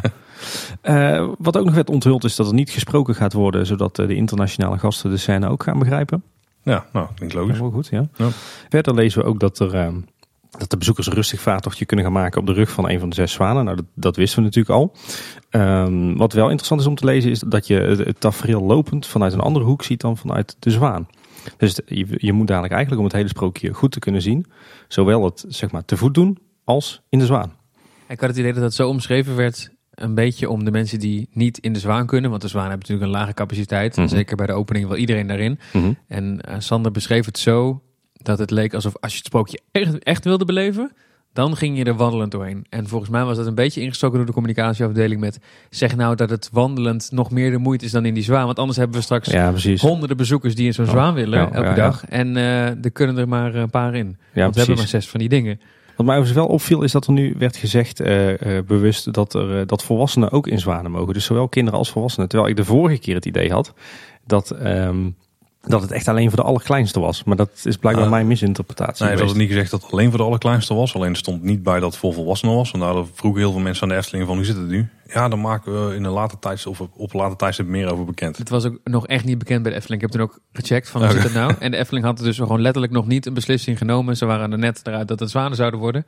Oké. Maar ze hadden nog niet... Kijk, de passen volwassenen in. Ja. Maar uh, het is net zoals met uh, VR Droomvlucht. In eerste instantie zeg je, nou, we denken dat het alleen maar voor uh, minder valide is. Um, maar die draait nu ook gewoon voor normale bezoekers. Ja, ja. Hm. Weet je trouwens wat het voor het soort uh, transportsysteem gaat worden, die zwanen? Nee, maar ik zag er wel op uh, de, de tekening die ook in de wonder stond, dat, er een soort, dat het eigenlijk een soort rondje was, een soort mhm. bootjesmolen. Mm -hmm. En ik kreeg de indruk dat het misschien wel een hele simpele bootjescarousel wordt. Gewoon ja, ja. iets wat ook in Toverland staat, bijvoorbeeld in de Magische Vallei. Gewoon echt iets heel simpels. Als je één tekening kijkt, dan lijkt het wel of dat ze ja, zeg maar twee waaiers van armen hebben. Die, waarbij de bootjes wat dichter bij elkaar blijven. En dat je steeds in een groepje van drie uh, draait. Ja, klopt. Dus dat drie bootjes tegelijk geladen kunnen worden. Die gaan naar binnen.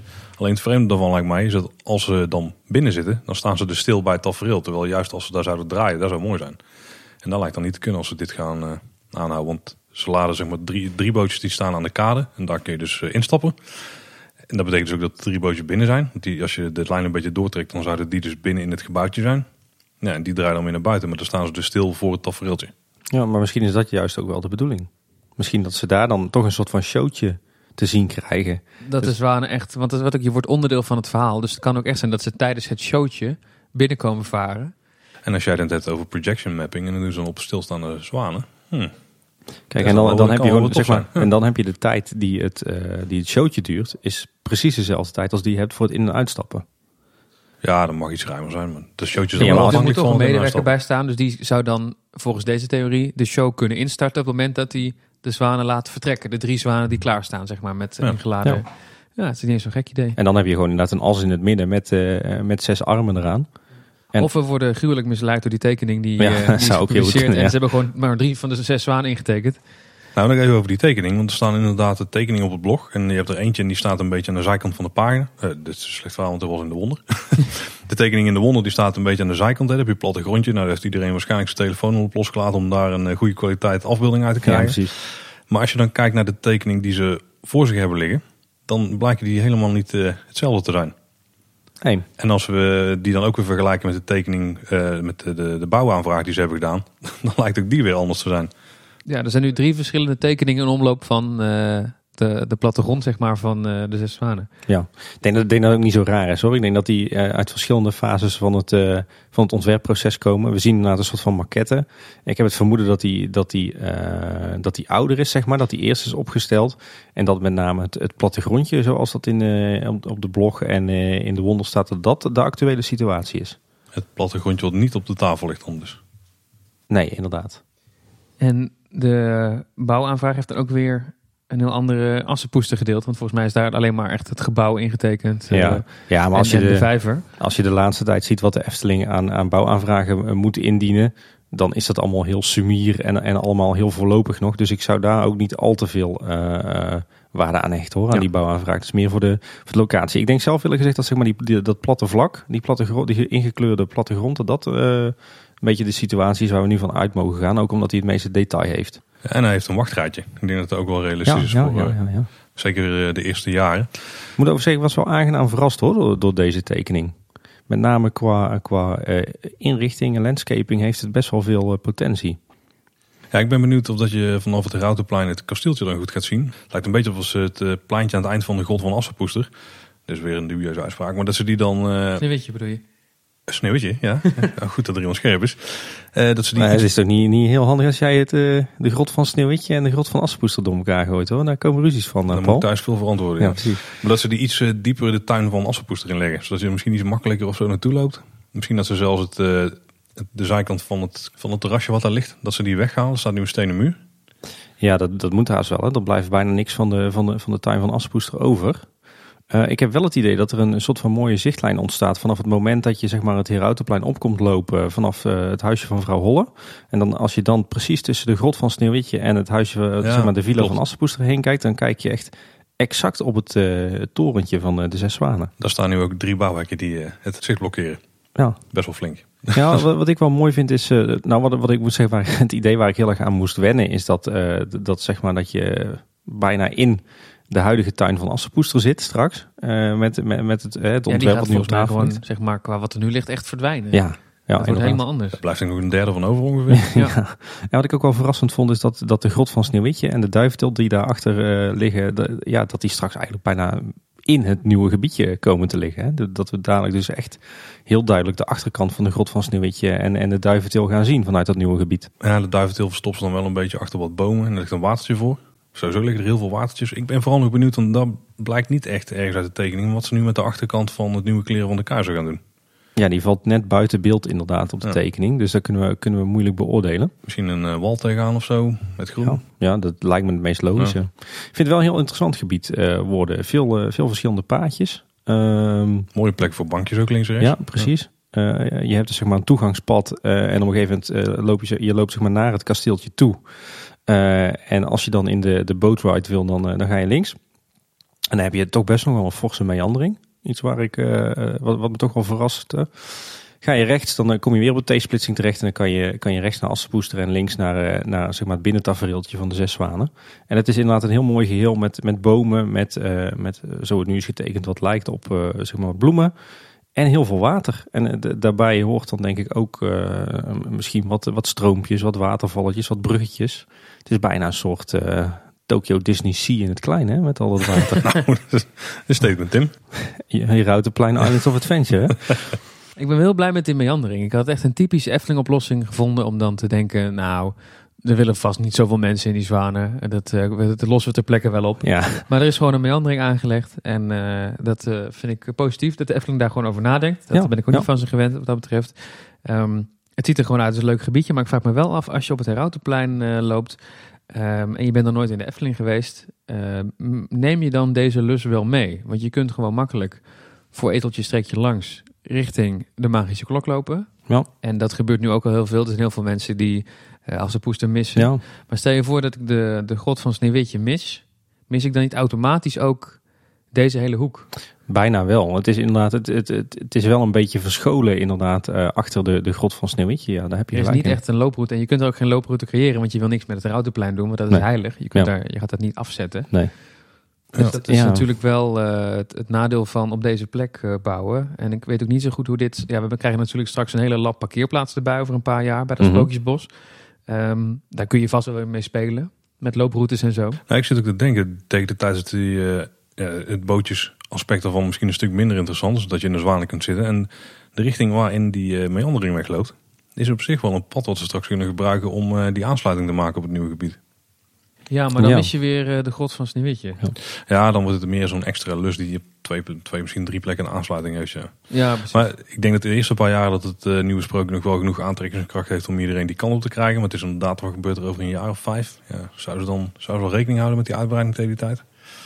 Is het gebeurt over vijf jaar? Maar het is, inderdaad, het is inderdaad geen heel spectaculair pad van Sneeuwwitje naar het tafereeltje toe, zeg maar. Je krijgt natuurlijk wel die stroompjes en die beekjes en die bloemetjes. Dat is allemaal prachtig.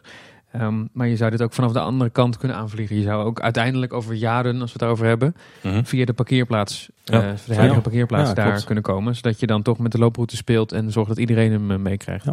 Ja, dan heb je eigenlijk wel, zijn wel veel mogelijkheden. Ja. dat zou goed zijn als ze daar inderdaad nu al, al zo over gedacht hadden. Ja, klopt. En als ze dus uh, de muur aan de zijkant van het terras van de kleine Karoen weghalen, helpt ook wel, denk ik hoor. Ja. Ja, denk ik ook wel. Ja, nou, nou zien we die wel. Ik zie wel op de bouwtekening dat die blijft staan, dat die grotendeels blijft staan hoor. Zou dit niet het originele nog zijn? Wat niet overeen is getekend, zeg maar? Nou, ik, ik, denk dat, ik denk dat die zo komt te liggen dat, dat dat gedeelte wel net kan blijven staan. Hoor. Dus dat het terras van het Herautenplein onaangetast is. En dat, dat eigenlijk vlak daarbij het, uh, het nieuwe gebied uh, begint. Ja, het is jammer dat ze dat stukje niet gewoon mee hebben ingekleurd. maar zou een ook vragen. Dit is overigens ook nog maar een schetsontwerp. Hè? Dus laten we hier ook niet uh, vooral veel te veel aandacht aan, of veel te veel waarheid aan ontlenen. Maar ik denk wat we tot nu toe hebben gelezen en, en gezien van de zes zwanen is al veel meer dan wat we eerder konden op basis van die, die zeg maar alleen die locatietekening uit de vergunningsaanvraag. En het stemt mij wel gelukkig, moet ik zeggen. Ja, zeker. Ja. Volgens mij een heel tof gebiedje. Ja, en de Efteling is tegenwoordig sowieso wel van het gefaseerd informatie vrijgeven. Dus wij gaan de komende tijd ook nog wel dat uh, het ontwerp voor het interieur voorbij zien komen met Elisa die daar lekker aan het breien is. Ehm, die overigens al wel in de wonder staat. Als je heel goed oplet en je zoomt een beetje in, dan kun je de interieurtekening al zien hangen. En de Efteling heeft dat zelf inmiddels ook doorgehad. en die heeft op de blog dezelfde foto geblurred. Dus daar kun je hem niet meer zien. Ja. Uh, maar als je dus nog wil weten hoe de zes zwanen er van binnen uitziet, dan moet je even met een microscoop uh, de wonder, de kijken, want daar staat hij in. Ja, ja inderdaad. Uh, ik moet zeggen, op die, die foto's zag je ook wel meer tekeningen aan de wand hangen. En ook weer heel veel mooie Eftelingse tierenlantijnen en krulletjes en details. En zelfs geloof ik referentiebeelden van de Anton Pieckmolen. Ik ben heel benieuwd hoe die gaan landen. Maar het ziet er allemaal heel fraai uit. De zwanen ook heel erg gedetailleerd en mooi uitgewerkt. Dus dit wordt volgens mij echt wel weer een, eh, een sprookje om door een ringetje te halen. En ik ben ook benieuwd, want het is uh, het eerste sprookje van Sander de Bruin. Hè? Ik wou net zeggen, Sander de Bruin, het is het eerste sprookje. Maar toch, als je die naam hoort en de combinatie met Sprookjesbos, heb ik eigenlijk automatisch vertrouwen in. Ja, daar krijg ik ook wel een heel opgelucht en warm gevoel van, ja, moet ik zeggen. Als je ziet wat hij tot nu toe voor de Efteling heeft gedaan, heeft hij geen enkele keer teleurgesteld. En dan uh, druk ik me nog zachtjes uit. Dus ik ben heel benieuwd hoe zijn eerste sprookje gaat zijn. Ja. Even afwachten, heren. Ja, ja, dan wordt er ook nog steeds uh, volop gewerkt aan uh, eigenlijk een beetje de, de voortekenen van de wereld van Efting 2030. Hè? Want ehm, ik, we kregen een tip laatst van een luisteraar dat, dat het bestemmingsplan in zijn uiteindelijke aangepaste vorm nog tot 5 december ter inzage ligt. Of tot 5 december kan men bezwaren aantekenen bij de Raad van State. Laten we hopen dat het niet gebeurt. Ja, Misschien moeten we na 5 december maar eens even een navraag gaan doen bij de Efteling wat de stand van zaken is. Mm maar er wordt, eh, er wordt eigenlijk op twee vlakken al wel een beetje aan gewerkt. Uh, de vorige keer melden we al dat, dat er begonnen is aan de, de voorbereidingen voor het verleggen van de horst. De bomen waren toen gekapt en inmiddels kan je zien dat het, zeg maar het hele tracé waar de weg gaat lopen en ook de fietssnelweg is helemaal opgeschoond. Het is alleen maar zand, het is al mooi op hoogte gebracht. En ik zag inmiddels dat, dat ze al volop aan het werken zijn aan het, het verleggen van kabels en leidingen. Ik heb ook nog slecht nieuws voor jou trouwens, Tim. Oh. Langs het Efteling Hotel als er toch twee rijen bomen laten staan. Ja. Ja, dat is nog maar één rij bomen. Ik weet wat je gaat zeggen. Dat is nog maar één rij bomen. Ja, dat is dan wel weer jammer. Ja. Dus het was toch inderdaad een te smal padje. Ja, het karakteristieke laantje is weg. Het, valt me wel op dat, want in eerdere planningen zoals we die eh, bij de aanbestedingsstukken hadden gevonden, waar we ook een beetje de indeling aan van Strookrijk eh, aan hadden ontleend, uh, stond in dat, dat de nutspartijen pas in, ergens in de loop van 2019 konden beginnen met het verleggen van kabels en leidingen. En dat was een beetje een bottleneck zeg maar in de planning. Maar dat is blijkbaar nu dus toch naar voren gehaald. Want ze zijn nu volop bezig met, met die kabels en leidingen aan te leggen. Dus hm. dat, dat, dat betekent eigenlijk dat, ja, dat het dus eerder klaar is. En dat, dat de huidige horst eerder kan worden weggehaald. Wessel, hoe ben jij het pittoreske Kaatsheuvel ingereden net? nou, ik wilde via de Europalaan gaan, want dat gaf mijn navigatie aan dat dat het snelste was. Ja. Maar dat kon niet, want die was afgesloten sinds acht uur. En ik was hier om kwart over acht wilde ik er doorheen rijden. En ze waren de weg aan het, aan de weg aan het werken. Vanwege de matrixboord natuurlijk. Die daar, en, en de, de, ja, wat wordt het? Uh, de wisselstroken. De wisselstroken. ja, ze moeten daar nog lijnen gaan trekken. Want ik denk dat dat vooral het werk eh, de komende tijd gaat worden. Want ik heb vandaag even een rondje gereden. Nou, geen rondje, want dan nemen ze me niet een dank af denk op de Europa. Nee, precies. In ieder geval een stuk rechtdoor uh, en weer terug. En uh, die borden staan inmiddels allemaal. Ja, inderdaad. En het zijn er ook veel. Ik moet zeggen, ik ben aangenaam verrast. Uh, het zijn er geloof ik vijf portalen. Ik ja, niet of jij geteld hebt. Ja. Best wel veel dat korte stukje, maar dat is alleen maar goed voor de verkeersveiligheid. En de vorige keer melden we dat er, uh, dat er maar uh, drie borden per kant zouden komen. Dus dat zeg maar de, de uiterste linkse rijstrook geen bord zou krijgen. en dat vonden wij toen een slechte bezuiniging voor je verkeersveiligheid. Maar ik zag nou vandaag ineens op foto's dat, dat gewoon iedere rijbaan of iedere rijstrook zijn eigen matrixbord heeft. Ja. Dus het, het staat redelijk fors in de borden, zoals we dat dan in verkeersland noemen. Maar dat, het ziet er allemaal mooi uit. Het zijn hele mooie, mooie matrixborden, moet ik zeggen. Ja, volgens mij is op de dag van opname ook uh, het hele uitrijplein geasfalteerd. Dus waar de ja. controle de tweede fase, dat was in twee fases geknipt. Ja, de, de uitrijstroken aan de lange kant van het parkeerterrein die zijn ook eerder deze week geasfalteerd. Uh, dat ligt er ook allemaal strak bij. Ze zijn nog wel bezig met, met de afwerking daarvan. Ik moet zeggen dat het allemaal een beetje sloom gaat. Toen ik woensdag in de Efteling was, toen stonden ze daar met uh, één kraan en één grondwerker een beetje te prullen. Terwijl ik toch zou zeggen van nou jongens, gas erop uh, op je, parkeer, je hoofdparkeerterrein. Ja, al het grafmateriaal staat natuurlijk bij die fietsensnelwegen. ja, precies. Ja, zo werkt dat al. Maar ehm, inderdaad, ik verwacht dat het niet al te lang duurt voordat, voordat de werkzaamheden op het parkeerterrein van de Efteling zelf zijn afgerond. ik vraag me af of ze de, de uitrijstroken van de korte kant nog gaan doen. Ja, dat lijkt me niet, want dan was dat toch wel een begonnen. Die hielden ze vandaag bijvoorbeeld heel de dag gewoon leeg. Ja, ja, dit, ja, ja. Ik heb geen idee. Ik, uh, wellicht vanwege de toekomstplannen dat, dat daar het parkeren gaat verdwijnen. Dat ze daarom nu zeggen van nou, daar hoeft geen asfalt meer in. Ja, verder, verder is er veel gebeurd. Er staan bijna alle nieuwe verkeerslichten staan al langs de Europalaan. die staan nog wel uit. alle verlichting is vervangen door LED. En de beleiding is ook al aangepast, zag ik, op de meest recente foto's.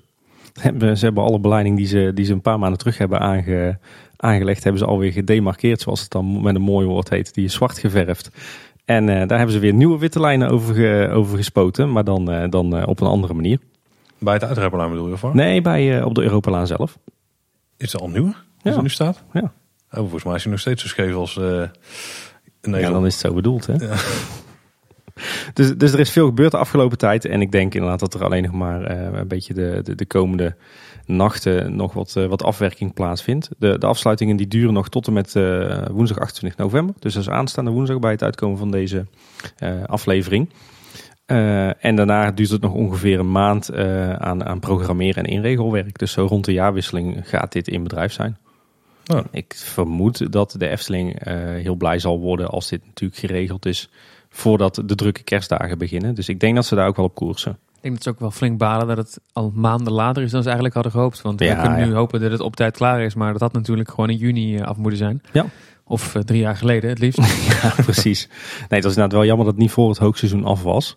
Uh, omdat de borden niet af waren. Het ging echt specifiek om die borden zelf. Ja, iemand heeft een productiefoutje gemaakt of op een of andere manier is, ik weet, ja, je hebt er misschien meer verstand van hoe, hoe zo'n productieproces gaat, maar dat, het, het kwam heel knullig over. De borden zijn niet af. Ja, maar dat is wel een beetje de dagelijkse praktijk. Het gaat heel goed in de, in de, in de wereld van de bouw en de wegenaanleg. En uh, je hebt momenteel te maken met extreem lange levertijden op zo'n beetje alles. Op lantaarnpalen, op stenen, op putten, op... Uh, en ook op dit, soort, op, ook op dit, ja, ook op dit soort materiaal. Dus in die zin is lange levertijden is, is geen gek punt, maar wel slordig inderdaad. Ja. Hey, jij, jij had opgemerkt dat het uitrijden echt een rommeltjes.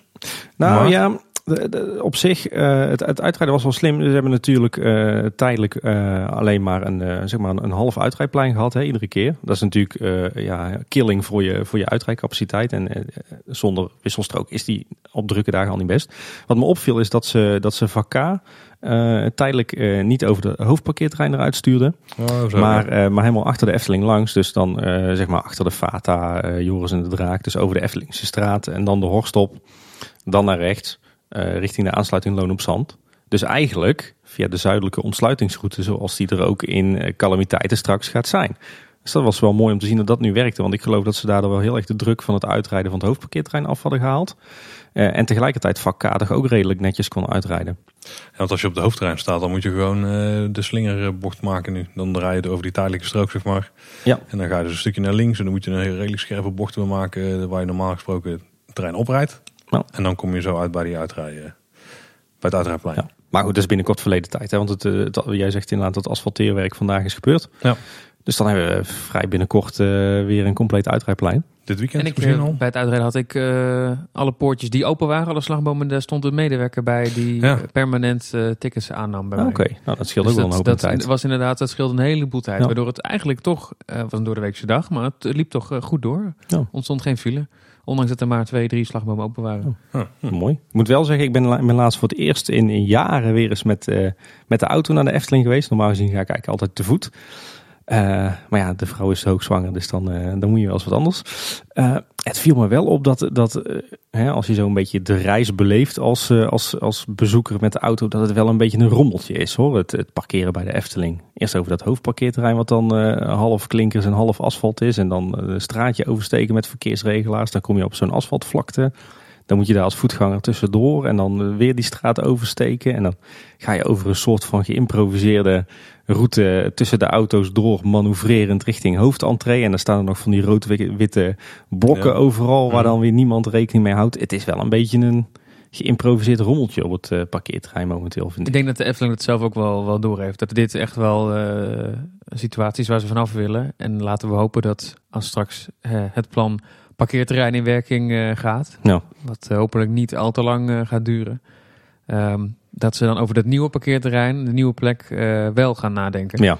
Ja, precies. Laten we hopen. Laten we inderdaad hopen dat dit gewoon, dit zal ook een tijdelijke situatie zijn. Daar ben ik mee eens. Maar ik, ik had het natuurlijk nog nooit... Het is wel jammer, want je komt misschien één keer in de drie jaar in de Efteling als gewone bezoeker. En dan heb je dit wel. En dan heb je wel dat je denkt, oh ja, dat parkeerterrein van de Efteling. Je wilt toch, een, je wilt toch op een lekkere manier je dag beginnen daar. En dat is op deze manier niet. Ja, want je kan wel zeggen van, hè, het is maar een parkeerterrein. Dat is natuurlijk ook wel zo. Maar het is wel je, je, je, je entree, je visitekaartje. Ja, precies. En, en toch, uh, goed begin is het halve werk. Ja. En, ja, nu ze dus capaciteit missen op het hoofdterrein. Want daar heb je dus in principe de eerste drie auto's van iedere rij, die kunnen er niet meer staan. De korte kant houden ze vaak dicht. Die kan ik nu niet open, omdat ze uh, de plein ligt voor de helft open. Ja. Dan sturen ze dus veel sneller mensen naar vak K. Dus veel mensen krijgen ook mee te maken. Ja. Want volgens mij de afgelopen, nou, ja, eigenlijk vanaf juni of zo. Iedere dag dat ik daar op een beetje drukke dag ben geweest, dan worden mensen meteen naar vak K gestuurd. Ja. Dus luisteraars, hou links aan, dan sta je gewoon op het hoofdterrein. Ja, dat zeg jij, maar dat probeerde ik dus, die tactiek, nadat jij die tip had gegeven. Maar ik werd er dus mooi door een verkeersregelaar teruggestuurd. Dus, uh, nou, dat is nog niet mijn ervaring. Precies. Maar eh, wat een positief punt is wel dat de verkeerschaos, zoals die de voorgaande jaren er wel eens was, dat die volgens mij niet meer of amper meer zijn opgetreden. Dus dat ze de hele logistiek bij het parkeren wel echt goed op orde hebben tegenwoordig. Hey, mocht je een hoop van dit, uh, van dit werk willen zien, vanuit de lucht bijvoorbeeld, mhm. dan heeft Airpro Waalwijk weer een nieuwe foto's geplaatst. Die is ja, ik denk net vanaf de andere kant van de Midden-Brabantweg of zo eh, de lucht ingegaan. Ja. En die heeft een hoop foto's gemaakt. Dus zullen we even in de show notes een linkje naartoe plaatsen. Ja, die zijn super mooi. Niet, niet alleen luchtfoto's van de werkzaamheden aan het verleggen van de Horst, maar ook gewoon van de Efteling als geheel. En dat is altijd toch wel, uh, ik vind dat smullen. Over nog een kleine side note als we het hebben over het eh, bestemmingsplan. De hele toekomstplannen, toekomstvisie van de Efteling. Er ligt nu een anterieure overeenkomst ter inzage bij de gemeente. Mooi oh. woord. Ja. Uh, maar wat, eh, wat, wat wellicht, wellicht potentieel interessant is, is dat dat een overeenkomst is tussen de Efteling en de gemeente, waarin staat uh, wie wat gaat doen in het kader van die ontwikkeling richting 2030 en wie wat betaalt.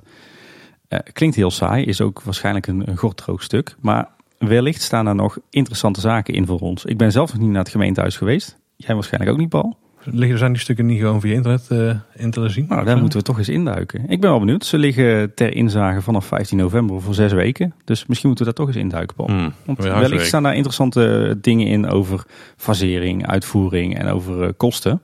Zou zomaar kunnen. Maar dat is nog wel iets uh, waar we misschien wat meer op moeten studeren. Klinkt als huiswerk. Ja, als een van onze luisteraars toevallig dat al heeft gedaan, dan is die info van harte welkom. Over huiswerk gesproken, Tim. Heeft iemand van ons al een ritje in Vogelrok gemaakt? Uh, heel vaak al. Ja. maar nog niet sinds die weer open is. Nee. Nee, ik ook niet. Ik ook niet. Dat is ook een beetje lastig hè, met die kleine. Ik kan moeilijk zeggen, nou blijf jij maar hier maar even in je kinderwagen op dat plein staan. Dan gaat papa even een ritje Vogelrok doen. Ja, de baby switch, maar dan zonder dat er een auto bij is. gewoon alleen de baby achterlaten. Ja. Leenouders, die zouden ze moeten regelen bij de Efteling. Is dat niet nog een service? Goede service, ja. Of gewoon bij een medewerker op het plafond gewoon in, of op het perron in de handen houden. het plafond is ook weer zoiets. Ja, ja. Tuigjes vasthangen. Uh, dus we zijn volledig gedisqualificeerd om hierover te praten.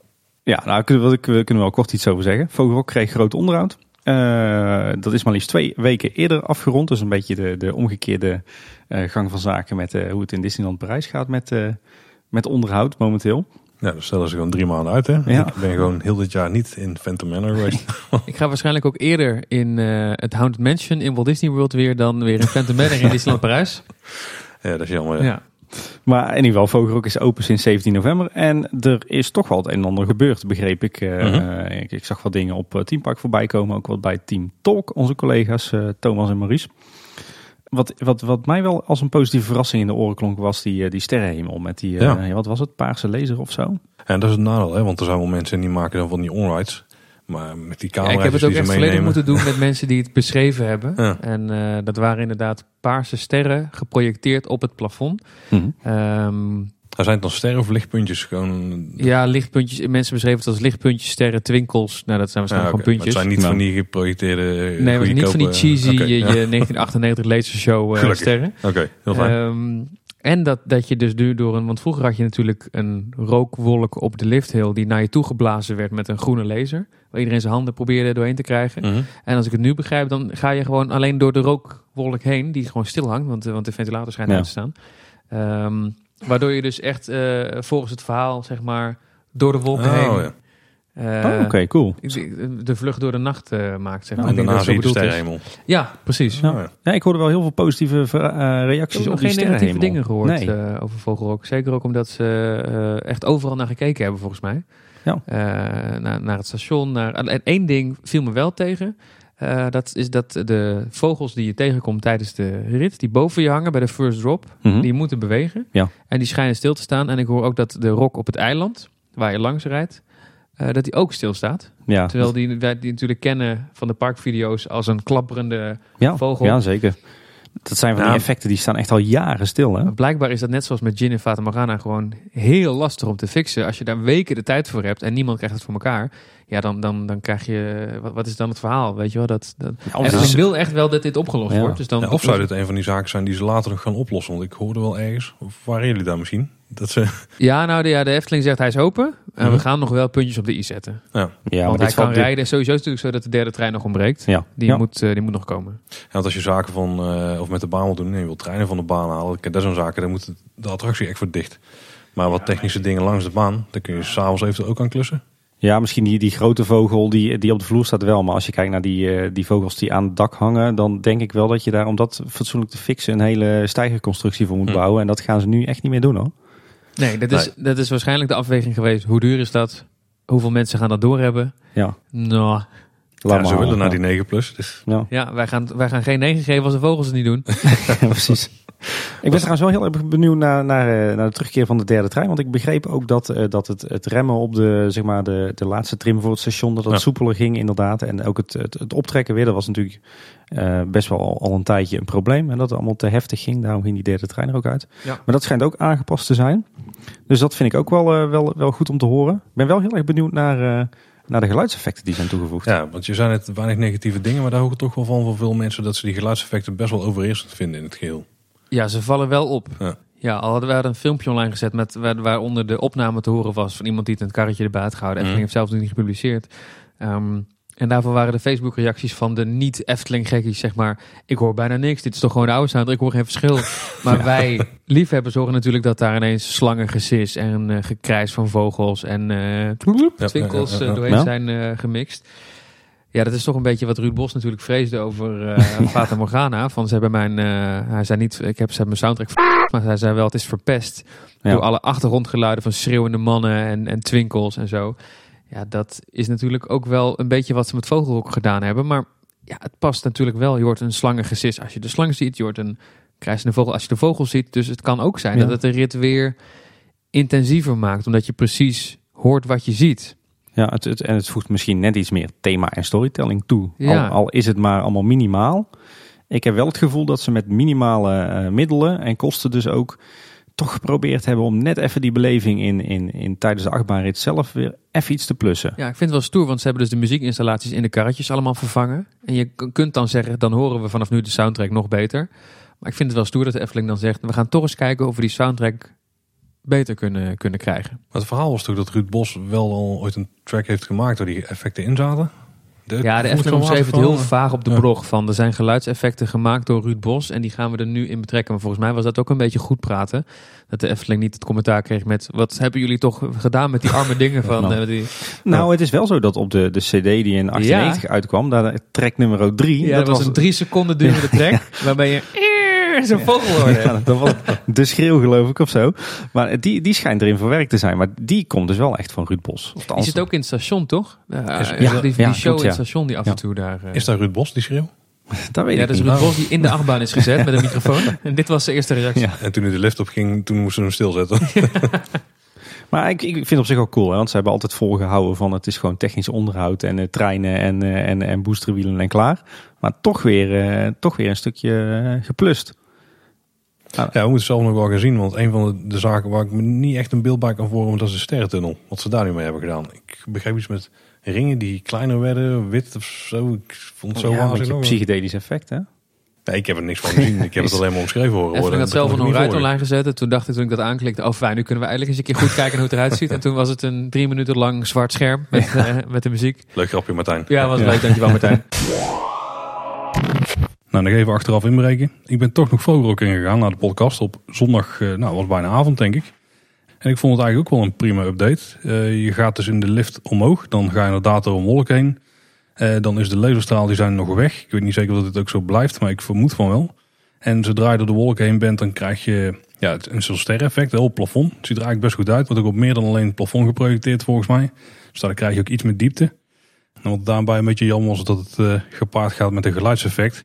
Soort twinkelend geluidseffect. Dat zou niet bestaan in symbolica. Dat is een beetje jammer vind ik. Dat het wel een beetje af aan de sterren. Dat is net van, het is een, een effect dat zich op dat moment uh, afspeelt en niet een, een hemel die zich, ja, die zich gewoon openbaart aan je nadat je door de wolken heen gaat. Dat is een beetje vreemd. Dus ook later in de rit weer. Daarna ja, dan ga je langs de vogels. Ik vind dat daarbij de geluidseffecten best wel goed getimed zijn. Dat is echt wel een verbetering voor de rit, voor de ervaring. Um, en om de slangenkop ga je in, ook daar zit weer een geluidseffect bij. Dan krijg je nog een keer ergens een sterrenhemel, ook weer met het effect. Dus dat blijft vreemd. Het effect in de laatste tunnel, waar eerst die, uh, ja, die Xenos uh, glasvezel effecten zaten, zeg maar, die is een stuk, stuk verbeterd, een stuk subtieler. Met de witte ringen die ook niet zo super fel zijn. Het zijn inderdaad, in principe zitten overal die, ja, misschien zijn er nog steeds wel glasvezelpuntjes. Uh, maar ze zitten wel duidelijk in een aantal ringen uh, verstopt, zeg maar. Maar daartussen zitten ook nog steeds wel uh, met wat minder dichtheid van die vezels. vlak voordat je, of eigenlijk op het moment dat je de rem inschiet, dan ga je nog door een soort lasertunnel heen. Dus er hangt een lichte mist en dan schijnen ze dan met de laser eigenlijk recht van voor erheen, waardoor je een soort tunneleffect krijgt. Dat was ook nieuw volgens mij. En daarna het station erin al met al in mijn ogen een goede toevoeging. En ik weet niet zeker of ze al helemaal klaar zijn. Het zou mooi zijn als ze inderdaad nog wat vogels laten bewegen. Maar uh, nu is de ervaring in ieder geval al een stuk beter dan dat die was voor, uh, voordat ze hem hebben aangepakt. En dan dadelijk een derde trein erbij. Volgens mij mogen we weer blij zijn. Hey, dat over Vogelrok, maar er is uh, meer onderhoudsnieuws. Want uh, Wessel, je bent uh, aangeschoven denk ik bij de podcast die het, het, het, langst weet vol te praten over onderhoudsklussen in, in, een, in een pretpark. en er valt gelukkig ook veel te vertellen over onderhoud in de Efteling, want er gebeurt zoveel. Ja, precies. Daar kunnen heel veel andere parken nog wel wat van leren. Droomvlucht heeft recent ook onderhoud gehad die, de voorgevel staat nog steeds in de stijgers, dus er wordt denk ik nog druk aan geschilderd. Maar we weten inmiddels wel dat de, de entreehal en de meandering uh, zelf, daar hebben de muren een mooie uh, schilderbeurt van gehad. Dus dat is allemaal mm -hmm. weer piekfijn. En ja, verder geloof ik dat er nog een klein ongelukje was gebeurd. Hè? Ja, er zijn wat elfjes gecrashed. ja, dat klinkt toch best wel gruwelijk. ja. Nou, blijkbaar die mobiel die achter uh, Oberon hangt. In de, in de Elftuin is dat. Uh, ja. ja. Daar uh, dat draait zo'n molen rond en daar hingen elfjes onder. En die waren daar vrolijk aan het rondfladderen. Maar plotseling kwam blijkbaar heel de molen naar beneden. En zijn de elfjes eronder beland. Ja. Dat is een beetje jammer. Ik heb vandaag even, even, gecheckt hoe het erbij lag. Ja. En ze hebben nu volgens mij gewoon zo'n pop die je kunt kopen daar bij de uitgang. Die ja? hebben ze daar gewoon midden ingezet. Dat meen je niet. Echt een, een elfenknuffel. Ja, ik, het, is, het is echt een kleinere versie van. Uh, ik zag het echt op het laatste moment dat we er waren. Het is echt een kleinere versie van die elfjes. Op plastic. Uh... Ja, wel van, wel van plastic volgens mij. Ja. Dus ik weet niet of je die kunt kopen in de Efteling. Maar het zag er echt uit als van dit speelgoed wat je gewoon ergens in het park kunt kopen. Maar ik zit niet helemaal in de merchandising, dus ik heb geen idee of dat zo is. Oké. Okay. Ja. Maar is nu, nu, nu zijn ze dus in het gilderhuis als de, als de sodemieter elfjes aan het repareren. Ja, daar lijkt het wel op. Ja. En ik hoorde ook dat er nog een troll een arm uh, mist. Dus ja, die is ook weer terug. Oh, die oké. Okay. Okay. Ja, even gecheckt vandaag. De troll of de arm? Beide. Alleen de arm ligt nu, heel raar. ja, precies. Over iets anders wat kapot is gegaan. Het, uh, het, uh, eigenlijk het bord bij het spookslot op het voorplein. Of eigenlijk vooral meer die, uh, die boomstam waar die aan hangt. Die, die schijnt afgezaagd te zijn. Naar aanleiding van meldingen dat die misschien rot zou zijn. Ja, dat kan ik wel eens voorstellen. Maar... Nou ja, ook daar denk ik dat, dat we die over niet al te lange tijd weer een nieuwe paal gaan terugzien. En zou die dan de andere kant op hangen? Is dat geen OVD'tje van de collega's? Ja, dat is ja, een OVD'tje. Ja, precies. Ja. en in het Sprookjesbos gebeurt ook weer een hoop. Uh, de benen van de heks van Raponsje, die, uh, die zien er niet al te best uit. Dus die hebben een keertje onderhoud nodig, denk ik. Volgens mij is het daar zo dat er daar toch een doek overheen hoort. Uh, want het is nu echt alsof zijn been gespleten is. Ja. Hoort dat niet gewoon dat die jurk gewoon tot aan haar tenen komt? Ja, precies. En die benen die zijn altijd zo lelijk geweest, volgens mij. Wat, wat zou kunnen is dat, is dat dat gewoon inderdaad onderdelen zijn die je kunt demonteren. Om de techniek in te verbergen. Ja. Ik zag een fragment van een EO-programma dat in de Efteling was. En dat was afgelopen zomer opgenomen. En dat is een fragment van Raponsje, ook met die lelijke benen. Hmm. Er moet toch iemand zijn bij de Efteling die denkt, jongens dat kunnen we toch makkelijk. Maak die jurk gewoon langer. Ja, ja precies. panties aan. Ja, het is toch winter. ja, ja. ja, precies. Bij, uh, bij Pinocchio is, uh, nou de hengel is nog steeds niet terug. Het viel me ook op dat in het showtje van uh, het huisje van Geppetto ook weer een aantal bewegingen toch defect waren. Die schijnen daar, blijken daar erg gevoelig voor te zijn. Wat me wel opviel, moeten jullie me maar verbeteren als het niet zo is. Maar volgens mij wat nieuw is, je hebt zeg maar als je door de raampjes kijkt, heb je in die twee vensterbanken komt Jaapie Krekel omhoog zo nu en dan. Als je, als je rechts bijvoorbeeld, als je aan het sleuteltje draait, dan komt hij af en toe omhoog. En ik heb het idee dat ze daar nou ledjes verstopt hebben in het kozijn, zodat hij uh, wat meer in het licht staat. Volgens mij was dat eerder al, maar ik weet niet 100% zeker. Oké, nou dan is mijn punt, uh, stel niks voor. Uh, het kabouterdorp, daar gaan langzaam maar zeker alle kabouterhuisjes uit de stijgers. Ziet er, ziet er allemaal erg netjes uit, moet ik zeggen. Het, alle, het schilder- en decoratiewerk is allemaal opnieuw uitgevoerd. Maar het ziet er eigenlijk uit alsof het er 100 jaar staat. Dus, dus allemaal heel netjes gebeurd. Ja, verder weten we er nog niet veel van. Hè. Er, er, is bekend dan dat de verlichting zou zijn vervangen. En de kabouters zijn terug, maar hebben nog geen kleren aan. Dus het is nog even afwachten tot het, het onderhoud echt is, is afgerond. Maar het ziet er, wat je er tot nu toe van kan zien aan de buitenkant, hebben ze het echt super netjes gedaan. Echt knap. Je bent niet echt goed in een turbo rondje, Tim. Nee? Nou, de, de, Zal ik het even afronden anders? Ja, ja, doe jij dat. Uh, bij Sprookjesboom staat een dierendefect. Uh, de nieuwe kleren van de keizer, daar uh, is de, de poort en de projectie zijn gerepareerd. Maar uh, de armaturen die zijn ook opgeknapt en terug. Ik lees gewoon voor wat je hebt geschreven. ja, goed bezig. de bankjes bij, bij de Sprookjesboom zijn opnieuw gebijtst. Nou, hè, dat is toch ook, dat is ook wil je niet missen, ja. ja. verder hebben we nog input gehad van luisteraar Vleder Rick. Uh, die zegt dat de kaak en de vleugels van Draak Lichtgeraakt uh, niet meer bewegen. Dat de, de, steen bij de trollenkoning niet uh, trilt. Oh, is zo weg. En dat Pinocchio in de monstervis ook statisch is. Maar goed, we weten natuurlijk niet als dit wordt uitgezonden. Misschien ja, is een deel daarvan alweer ja. gemaakt. Maar goed, het is opgemerkt. Ja, dan moet jij het maar even afmaken. Ja, precies. Nou, eh, Ramon die, uh, van Ramon kregen nog een paar foto's doorgestuurd. Uh, dat de, de ingang van het oude Sprookjesmuseum aardig was opgeknapt. Er zijn nieuwe bankjes gekomen. Echt van die echte piekse opgemetselde bankjes. een nieuwe boom. Volgens mij berk. En daar liggen ook aardig wat, zijn ook aardig wat keien neergelegd, zeg maar, voor de deur. Thematisch is dat dan misschien weer net wat minder. Maar ik kan me voorstellen dat ze daar geen beplanting meer aanbrengen. Want ja, dat heeft natuurlijk niet het eeuwige leven met iedere keer dat podium dat daar wordt aangebracht bij de, tijdens de zomeravonden. Dan zag ik ook nog een foto van de boze vee van Don Roosje die achterover hing. Dat ja, die had er even geen zin meer in. Dat nee, was een prachtige foto. ja, die, uh, het, zal denk ik kapel zijn gebroken of zo. En de verschillende sprookjesboeken zijn, uh, zijn in onderhoud. Dus die zullen een mooi schilderbeurtje krijgen. Oh, in het uh, Efteling Museum was de interactieve plattegrond een hele tijd weg. Maar deze is inmiddels weer terug. Dus het scherm doet het weer. dus de foutjes die erin zaten zijn niet verholpen. Sterker nog. Raar is dat, hè? Ja, er is al zo vaak aan uh, Efteling op Twitter gemeld van... nou, volgens mij is het zo dat als je op het wapen van Ravelijn klikt... dan krijg je de steenbok te zien of andersom. Dat zou makkelijk te fixen moeten zijn. Dat is toch gewoon eventjes... Ja, dat, ja, ik snap dat niet. Maar er zit een nieuw foutje bij, hè? Oh, een nieuw foutje? Ja, het lettertype wordt niet juist ingeladen. Ah, dus oké. Uh, we hebben waarschijnlijk nu gewoon Arial. Times New Roman. Times New Roman, ja. Dat je, dat je dan de interactieve plattegrond in Comic Sans MS hebt. Dat zou leuk zijn. ja. ja. Als er ooit een default lettertype wordt, dan ga ik heel erg uh, verhuizen, denk ik. Ja. Uh, wat mij trouwens nog opviel, uh, daar hebben we het ook al een paar keer over gehad, is een schaapskooi in het Loonse Land. Uh, ook een plek waar ik vaak kom. Uh, dat is zeg maar een beetje speeltoestel en kinderboerderij in één. Uh, dat was heel mooi. Die is toen van de een op de andere dag, of die is een tijdje dicht geweest. En toen was het ineens heel lelijk aangepast, de bovenverdieping. Dat was allemaal, allemaal hooibalen. En daar, daar mhm. waren toen ineens verschrikkelijk lelijke witte plastic netten zaten daarvoor. Alsof het toch vanuit het oogpunt van veiligheid of zo allemaal niet ging. En ik zag dat het inmiddels weer is aangepast. En dat het nu heel mooi is opgelost met, met wat kippengaas en wat, wat stijgerhout. Dus dat is veel meer een thema. En wat me ook nog opviel is dat er eh, wat bomen gekapt zijn op het, zeg maar het eilandje midden in de Gondoletta-vijver. Mhm. Daar vielen een hele hoop uh, mensen op social media overheen. Die vonden het allemaal maar niks dat de Efteling ongelimiteerd aan het kappen was. Nou ja, volgens mij wordt hier niet zonder reden gekapt. Want waarom zou je anders in vredesnaam bomen omzagen? ik weet wel uit mijn tijd nog bij de Efteling, toen ik er nog werkte, dat er toen al werd gezegd dat het groen op dat eiland echt al helemaal op was. Dus waarschijnlijk dat ze er nu voor hebben gekozen om het, om het groen eindelijk wat te verjongen.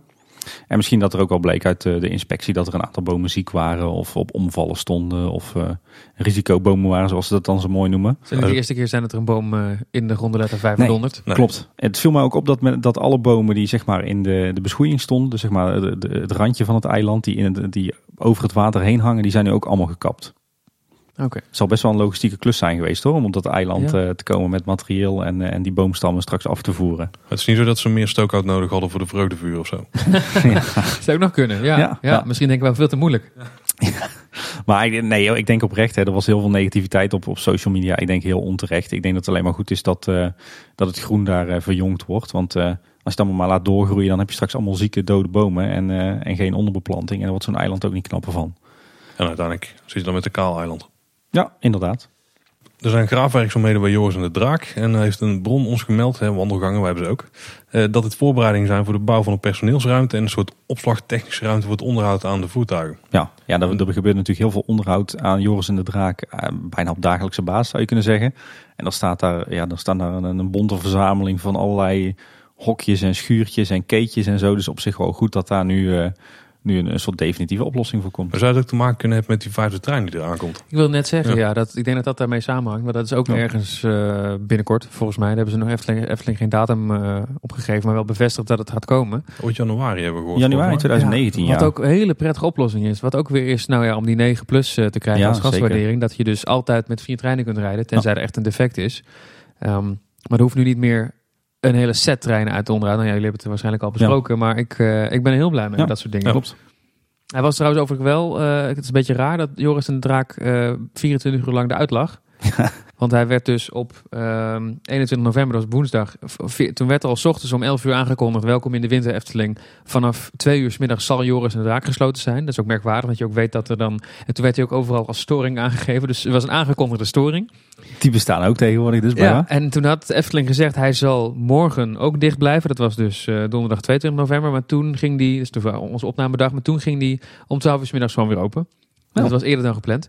Maar uh, ik denk dat het misschien wel los zou kunnen staan van die graafwerkzaamheden naast de attractie. Ja, ja dat lijkt me vrij logisch inderdaad, ja. Ja, nou, ik zag eerst, want de, ja, ik dacht eerst, ze zijn daar aan het graven. En misschien moet die achtbaan daardoor echt per se dicht, omdat er iets heel belangrijks gaat gebeuren. Of er zijn gasleidingen of zo, of er is gevaar, weet je wel, het moet afgezet worden. Maar vervolgens zag je allerlei uh, schroeven, boren en zagenwerkzaamheden op de trek.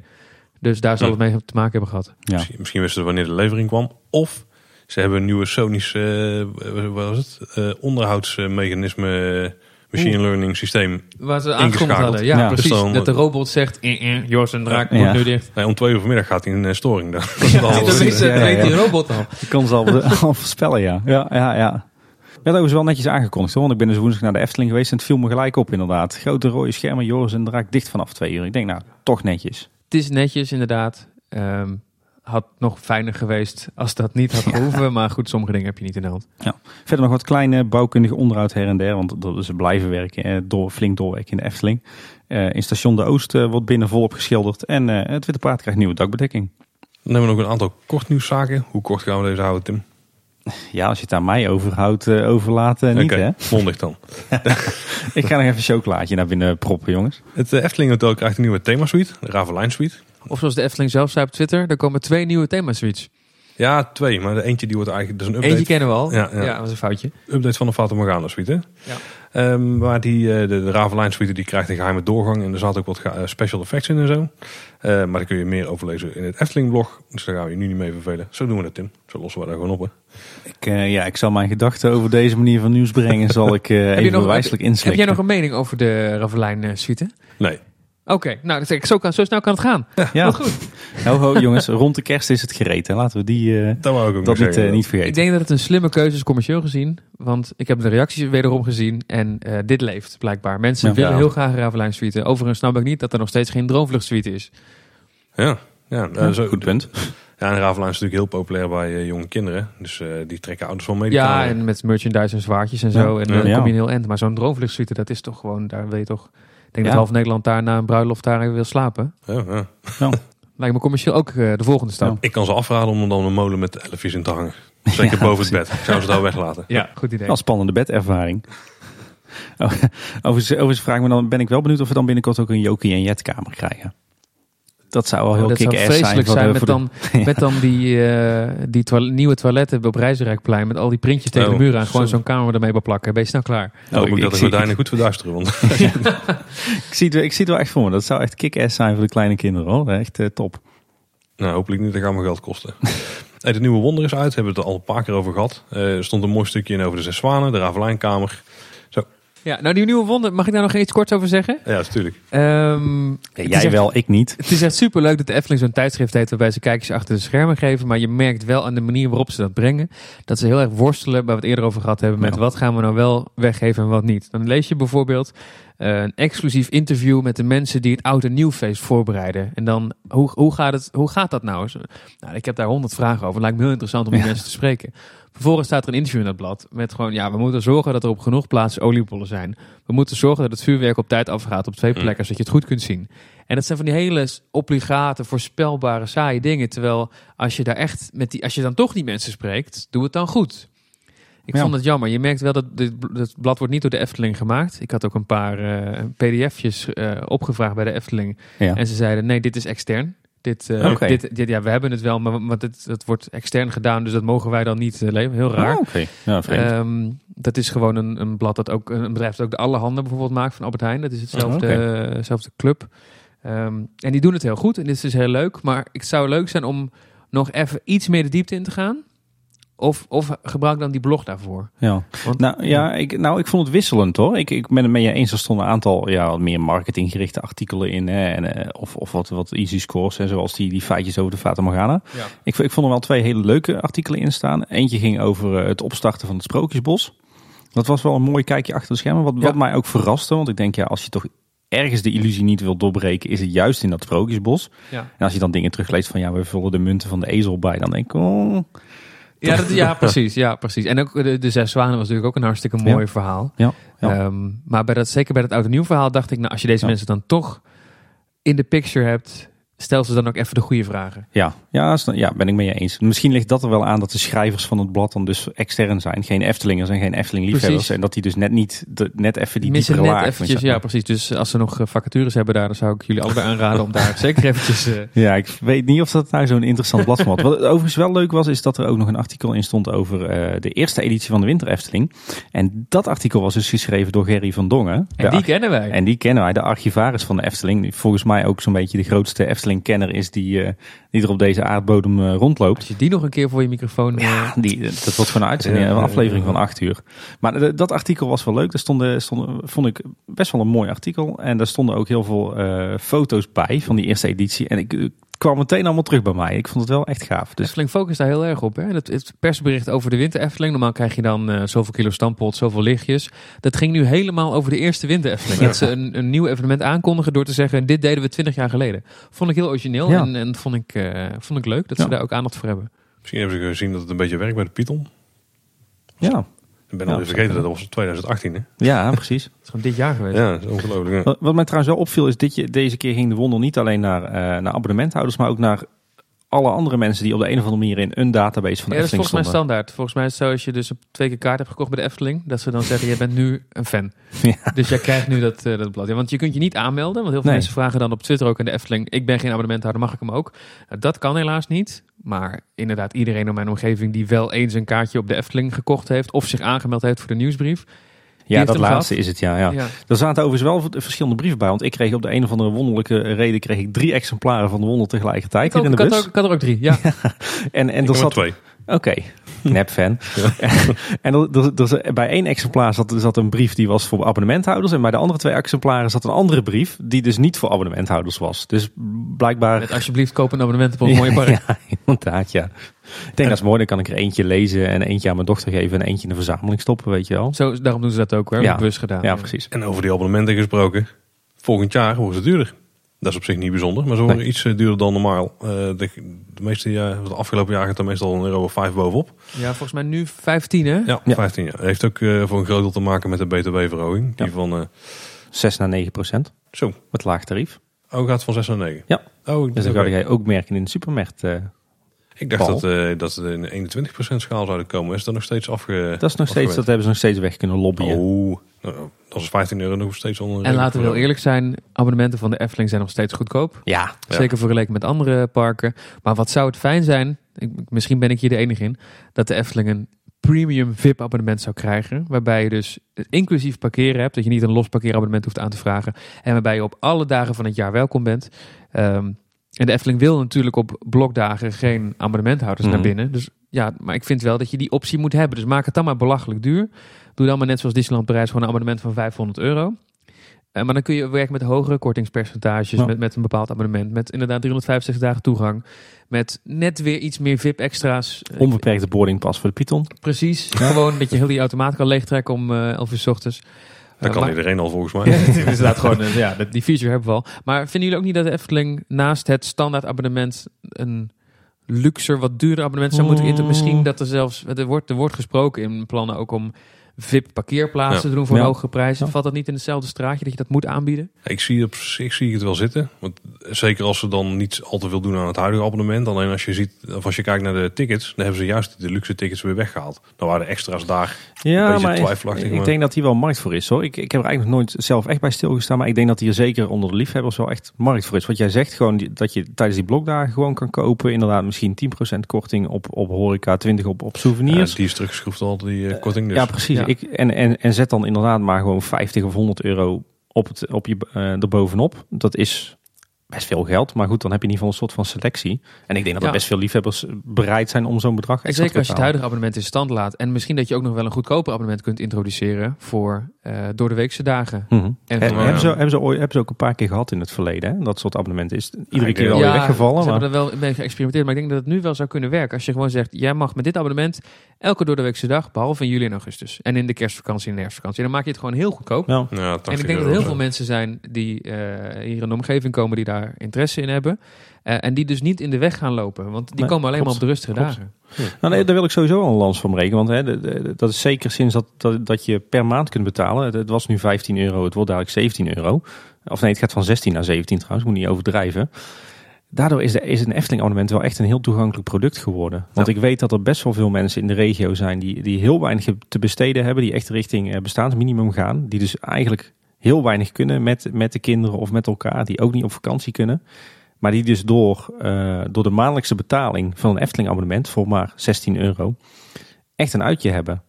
En dat vind ik ergens is, hè, de, de, daar, is, daar gaat het iedere keer over als we het hebben over de prijs van een Efteling abonnement. Maar ik denk dat dat wel heel nobel is en ook aansluit bij de doelstelling van de stichting. Uh, dat, dat een dagje Efteling voor iedereen ja, uh, beschikbaar voor 17 euro kun je 31 keer naar de Efteling. Ja. Per maand. Ja, ja, ja, inderdaad. Ja, ja, ja. En als je naar buiten loopt en binnen een uur weer terug bent. Nee, ja, precies. Nee, maar ik, nee, zonder gekheid, daar, daar heeft eigenlijk niemand het ooit over. Maar ik, ik, begrijp dat er best wel veel mensen zijn die dat dus inderdaad hebben als hun, hun enige ja, leuke, leuke event in het leven. Ja, dan denk ik van ja, dan is het toch wel heel sympathiek dat, dat een Efteling abonnement dus zo betaalbaar is. Denk je dat die prijsverhoging ervoor gaat zorgen dat de mensen afhaken? Want het klinkt natuurlijk een euro per maand erbij, dat is niks. Maar dat op een gegeven moment de grens doorboken wordt dat deze mensen zeggen 195 euro uh, of, of 17 euro in de maand is mij te, te gortig? Nou, ik denk, ik denk dat, het dan, dat, je, de, dat je het dan gaat hebben over andere bedragen. Als het op een gegeven moment 25 euro per maand wordt, dan, dan denk ik dat er wel een, probleem, een probleem wordt. Maar door het zo per maand te betalen, is, ja, ligt denk ik die grens wel lager. Ja, en moet ook niet vergeten dat de entreeprijs van de Efteling gewoon omhoog is gegaan. Ja. Dus Dat, die groeit ook gewoon mee. Ja. We kregen ook nog te horen dat 15 november uh, er was een uh, familieavond voor het personeel van Ruikrijk. En daarbij mochten de gezinnen, of tenminste, daar mochten mensen hun gezinnen meenemen. En die mochten ze rondleiden voor en achter de schermen. Ja. En blijkbaar was de opkomst best hoog. best wel sympathiek ook trouwens dat ze, dat ze dit mochten organiseren van, ja, van het management dan denk ik. Ja. Daar zal die beslissing wel echt zijn genomen. Er was een kampvuur, een chocomel tent. En blijkbaar Tim een hoogtepunt, ja, voor jou misschien niet super speciaal. Maar een rondleiding achter de schermen bij de Vliegende Hollander. Ja. Ja, tof denk, denk dat het goed is dat, er, eh, dat, dat ze nu ook aandacht besteden aan het eh, draagvlak creëren bij de gezinnen van Efteling-medewerkers. Want het is toch uh, stevig doorploeteren als je bij de Efteling werkt. En uh, daar merkt je gezin natuurlijk ook het nodige van. Vind ik heel sympathiek dat ze dat doen. Ja, ja, Het is ook iets wat ondenkbaar was in de tijd van Bart de Boer. Ja, absoluut. Ja. En we zijn maar een paar jaar verder en nu is het blijkbaar de normaalste zaak van de wereld. en dat is heel goed. Wat ik overigens ook heel erg leuk vond was dat, er, dat er sinds kort een foute Efteling kersttrui te koop is. Uh, in de Efteling. Voor 30 hij is nog te kopen, hè? want uh, ja. hij, hij, vliegt de winkels uit. Je moet echt snel erbij zijn. Ja, ik, ik zit wel met een dilemma, jongens. Ik heb uh, een, een, uitnodiging gekregen voor een foute kerstparty op het werk in plaats van de kerstborrel. En ik ben er nog niet over uit of ik daar naartoe ga. Maar ja, als ik daar naartoe ga, dan moet ik natuurlijk wel de foute kersttrui van de Efteling hebben. En wat is het nou jouw ja, zal ik, hem nou, zal ik hem nou kopen of niet? Want ik weet mij dus is het dilemma meer of jij naar die foute party gaat ja of nee. Maar die kerst, ja, moet je sowieso hebben. Die kun je altijd gebruiken. Ja, ja, heel makkelijk, Tim. Ik moet even toegeven, ik heb hem. Echt waar? Ja, oh, nou, ik dan, ben eh, zelf niet in de Efteling geweest sinds hij te koop is. Maar iemand anders heeft hem voor me gekocht en hij ligt voor me klaar. Ik wil natuurlijk wel zeker zijn van een mooie trui, want die, die zijn straks uitverkocht. Ah, ja, dan, dan ga Thomas ik van Teamtalk trouwens heeft hem nu thuis liggen. Okay. Mijn trui.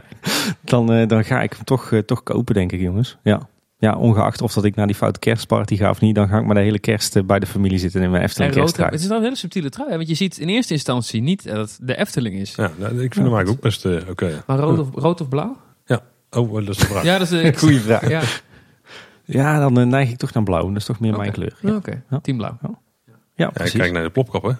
Ja, tuurlijk. Nee, het is eigenlijk een stomme vraag hier. Alles is blauw bij jullie. Ja. Um, dan, wat, wat op zich wel leuk is in het kader van internationalisering, kwam de Efteling uh, eigenlijk nog twee keer internationaal in het nieuws. Uh, Theme Park Tourist, uh, een of andere internationale pretparksite volgens mij. Internationaal nieuws, een of andere site. Ja, die had een artikeltje, Nine Rides Outside of Disney Parks We Think Walt Would Love. en dan komen alle attracties voorbij in Amerika en Europa. En zo waar, tussen die negen attracties staat ook tot twee keer toe een Efteling attractie. Namelijk Droomvlucht en Symbolica.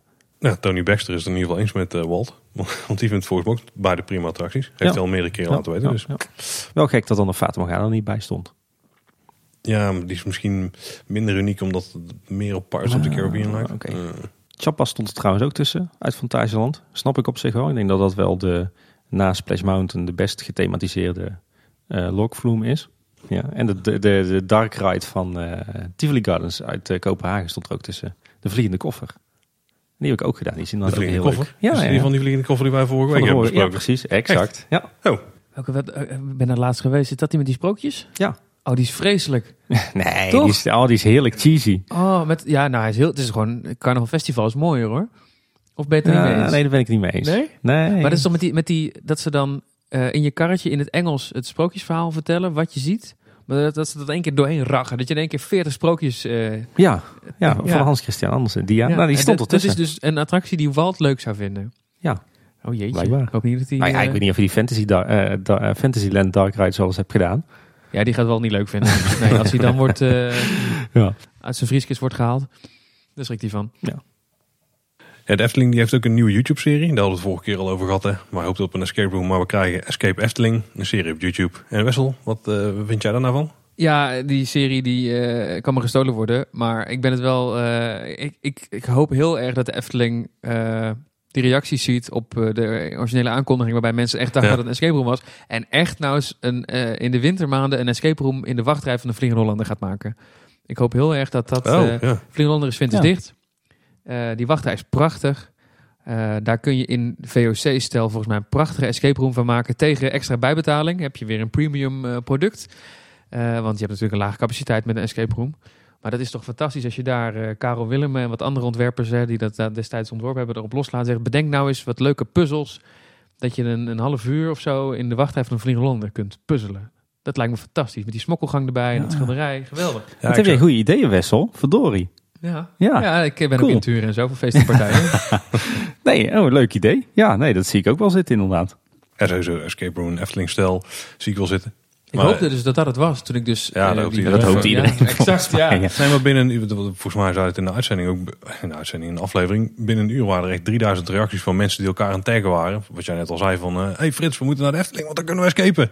Maar daar viel dan hard tegen. Of voor ja. de stroopwafel. Tenzij je, even kijken, Nina heet of, uh, wie, wie allemaal? Quinn van der Zeel. Senna, Senna Bellot. Ja, Jeroen. Die, ja. We kennen ze allemaal natuurlijk. En natuurlijk ook Gio Latoy, die doet ook mee. Oh, natuurlijk. Oh, ja. ja, die mag kan niet wel. missen. Nee, precies. Ik denk dat de deelnemers van Wie is de Mol 2019, dat die nog bekender zijn dan dit. Ja, maar uh, iemand, had het, iemand had dit op, uh, op Twitter gezet van nou wie zijn die cirkels, die ken ik helemaal niet. En toen heeft uh, Domien Verschuren, Efteling, oud Efteling medewerker en tegenwoordig ja. DJ Q Music, diegene even op de vingers getikt met het is niet voor niks op het YouTube kanaal Efteling Kids. Het is, je bent er gewoon te oud voor, dit zijn wereldsterren.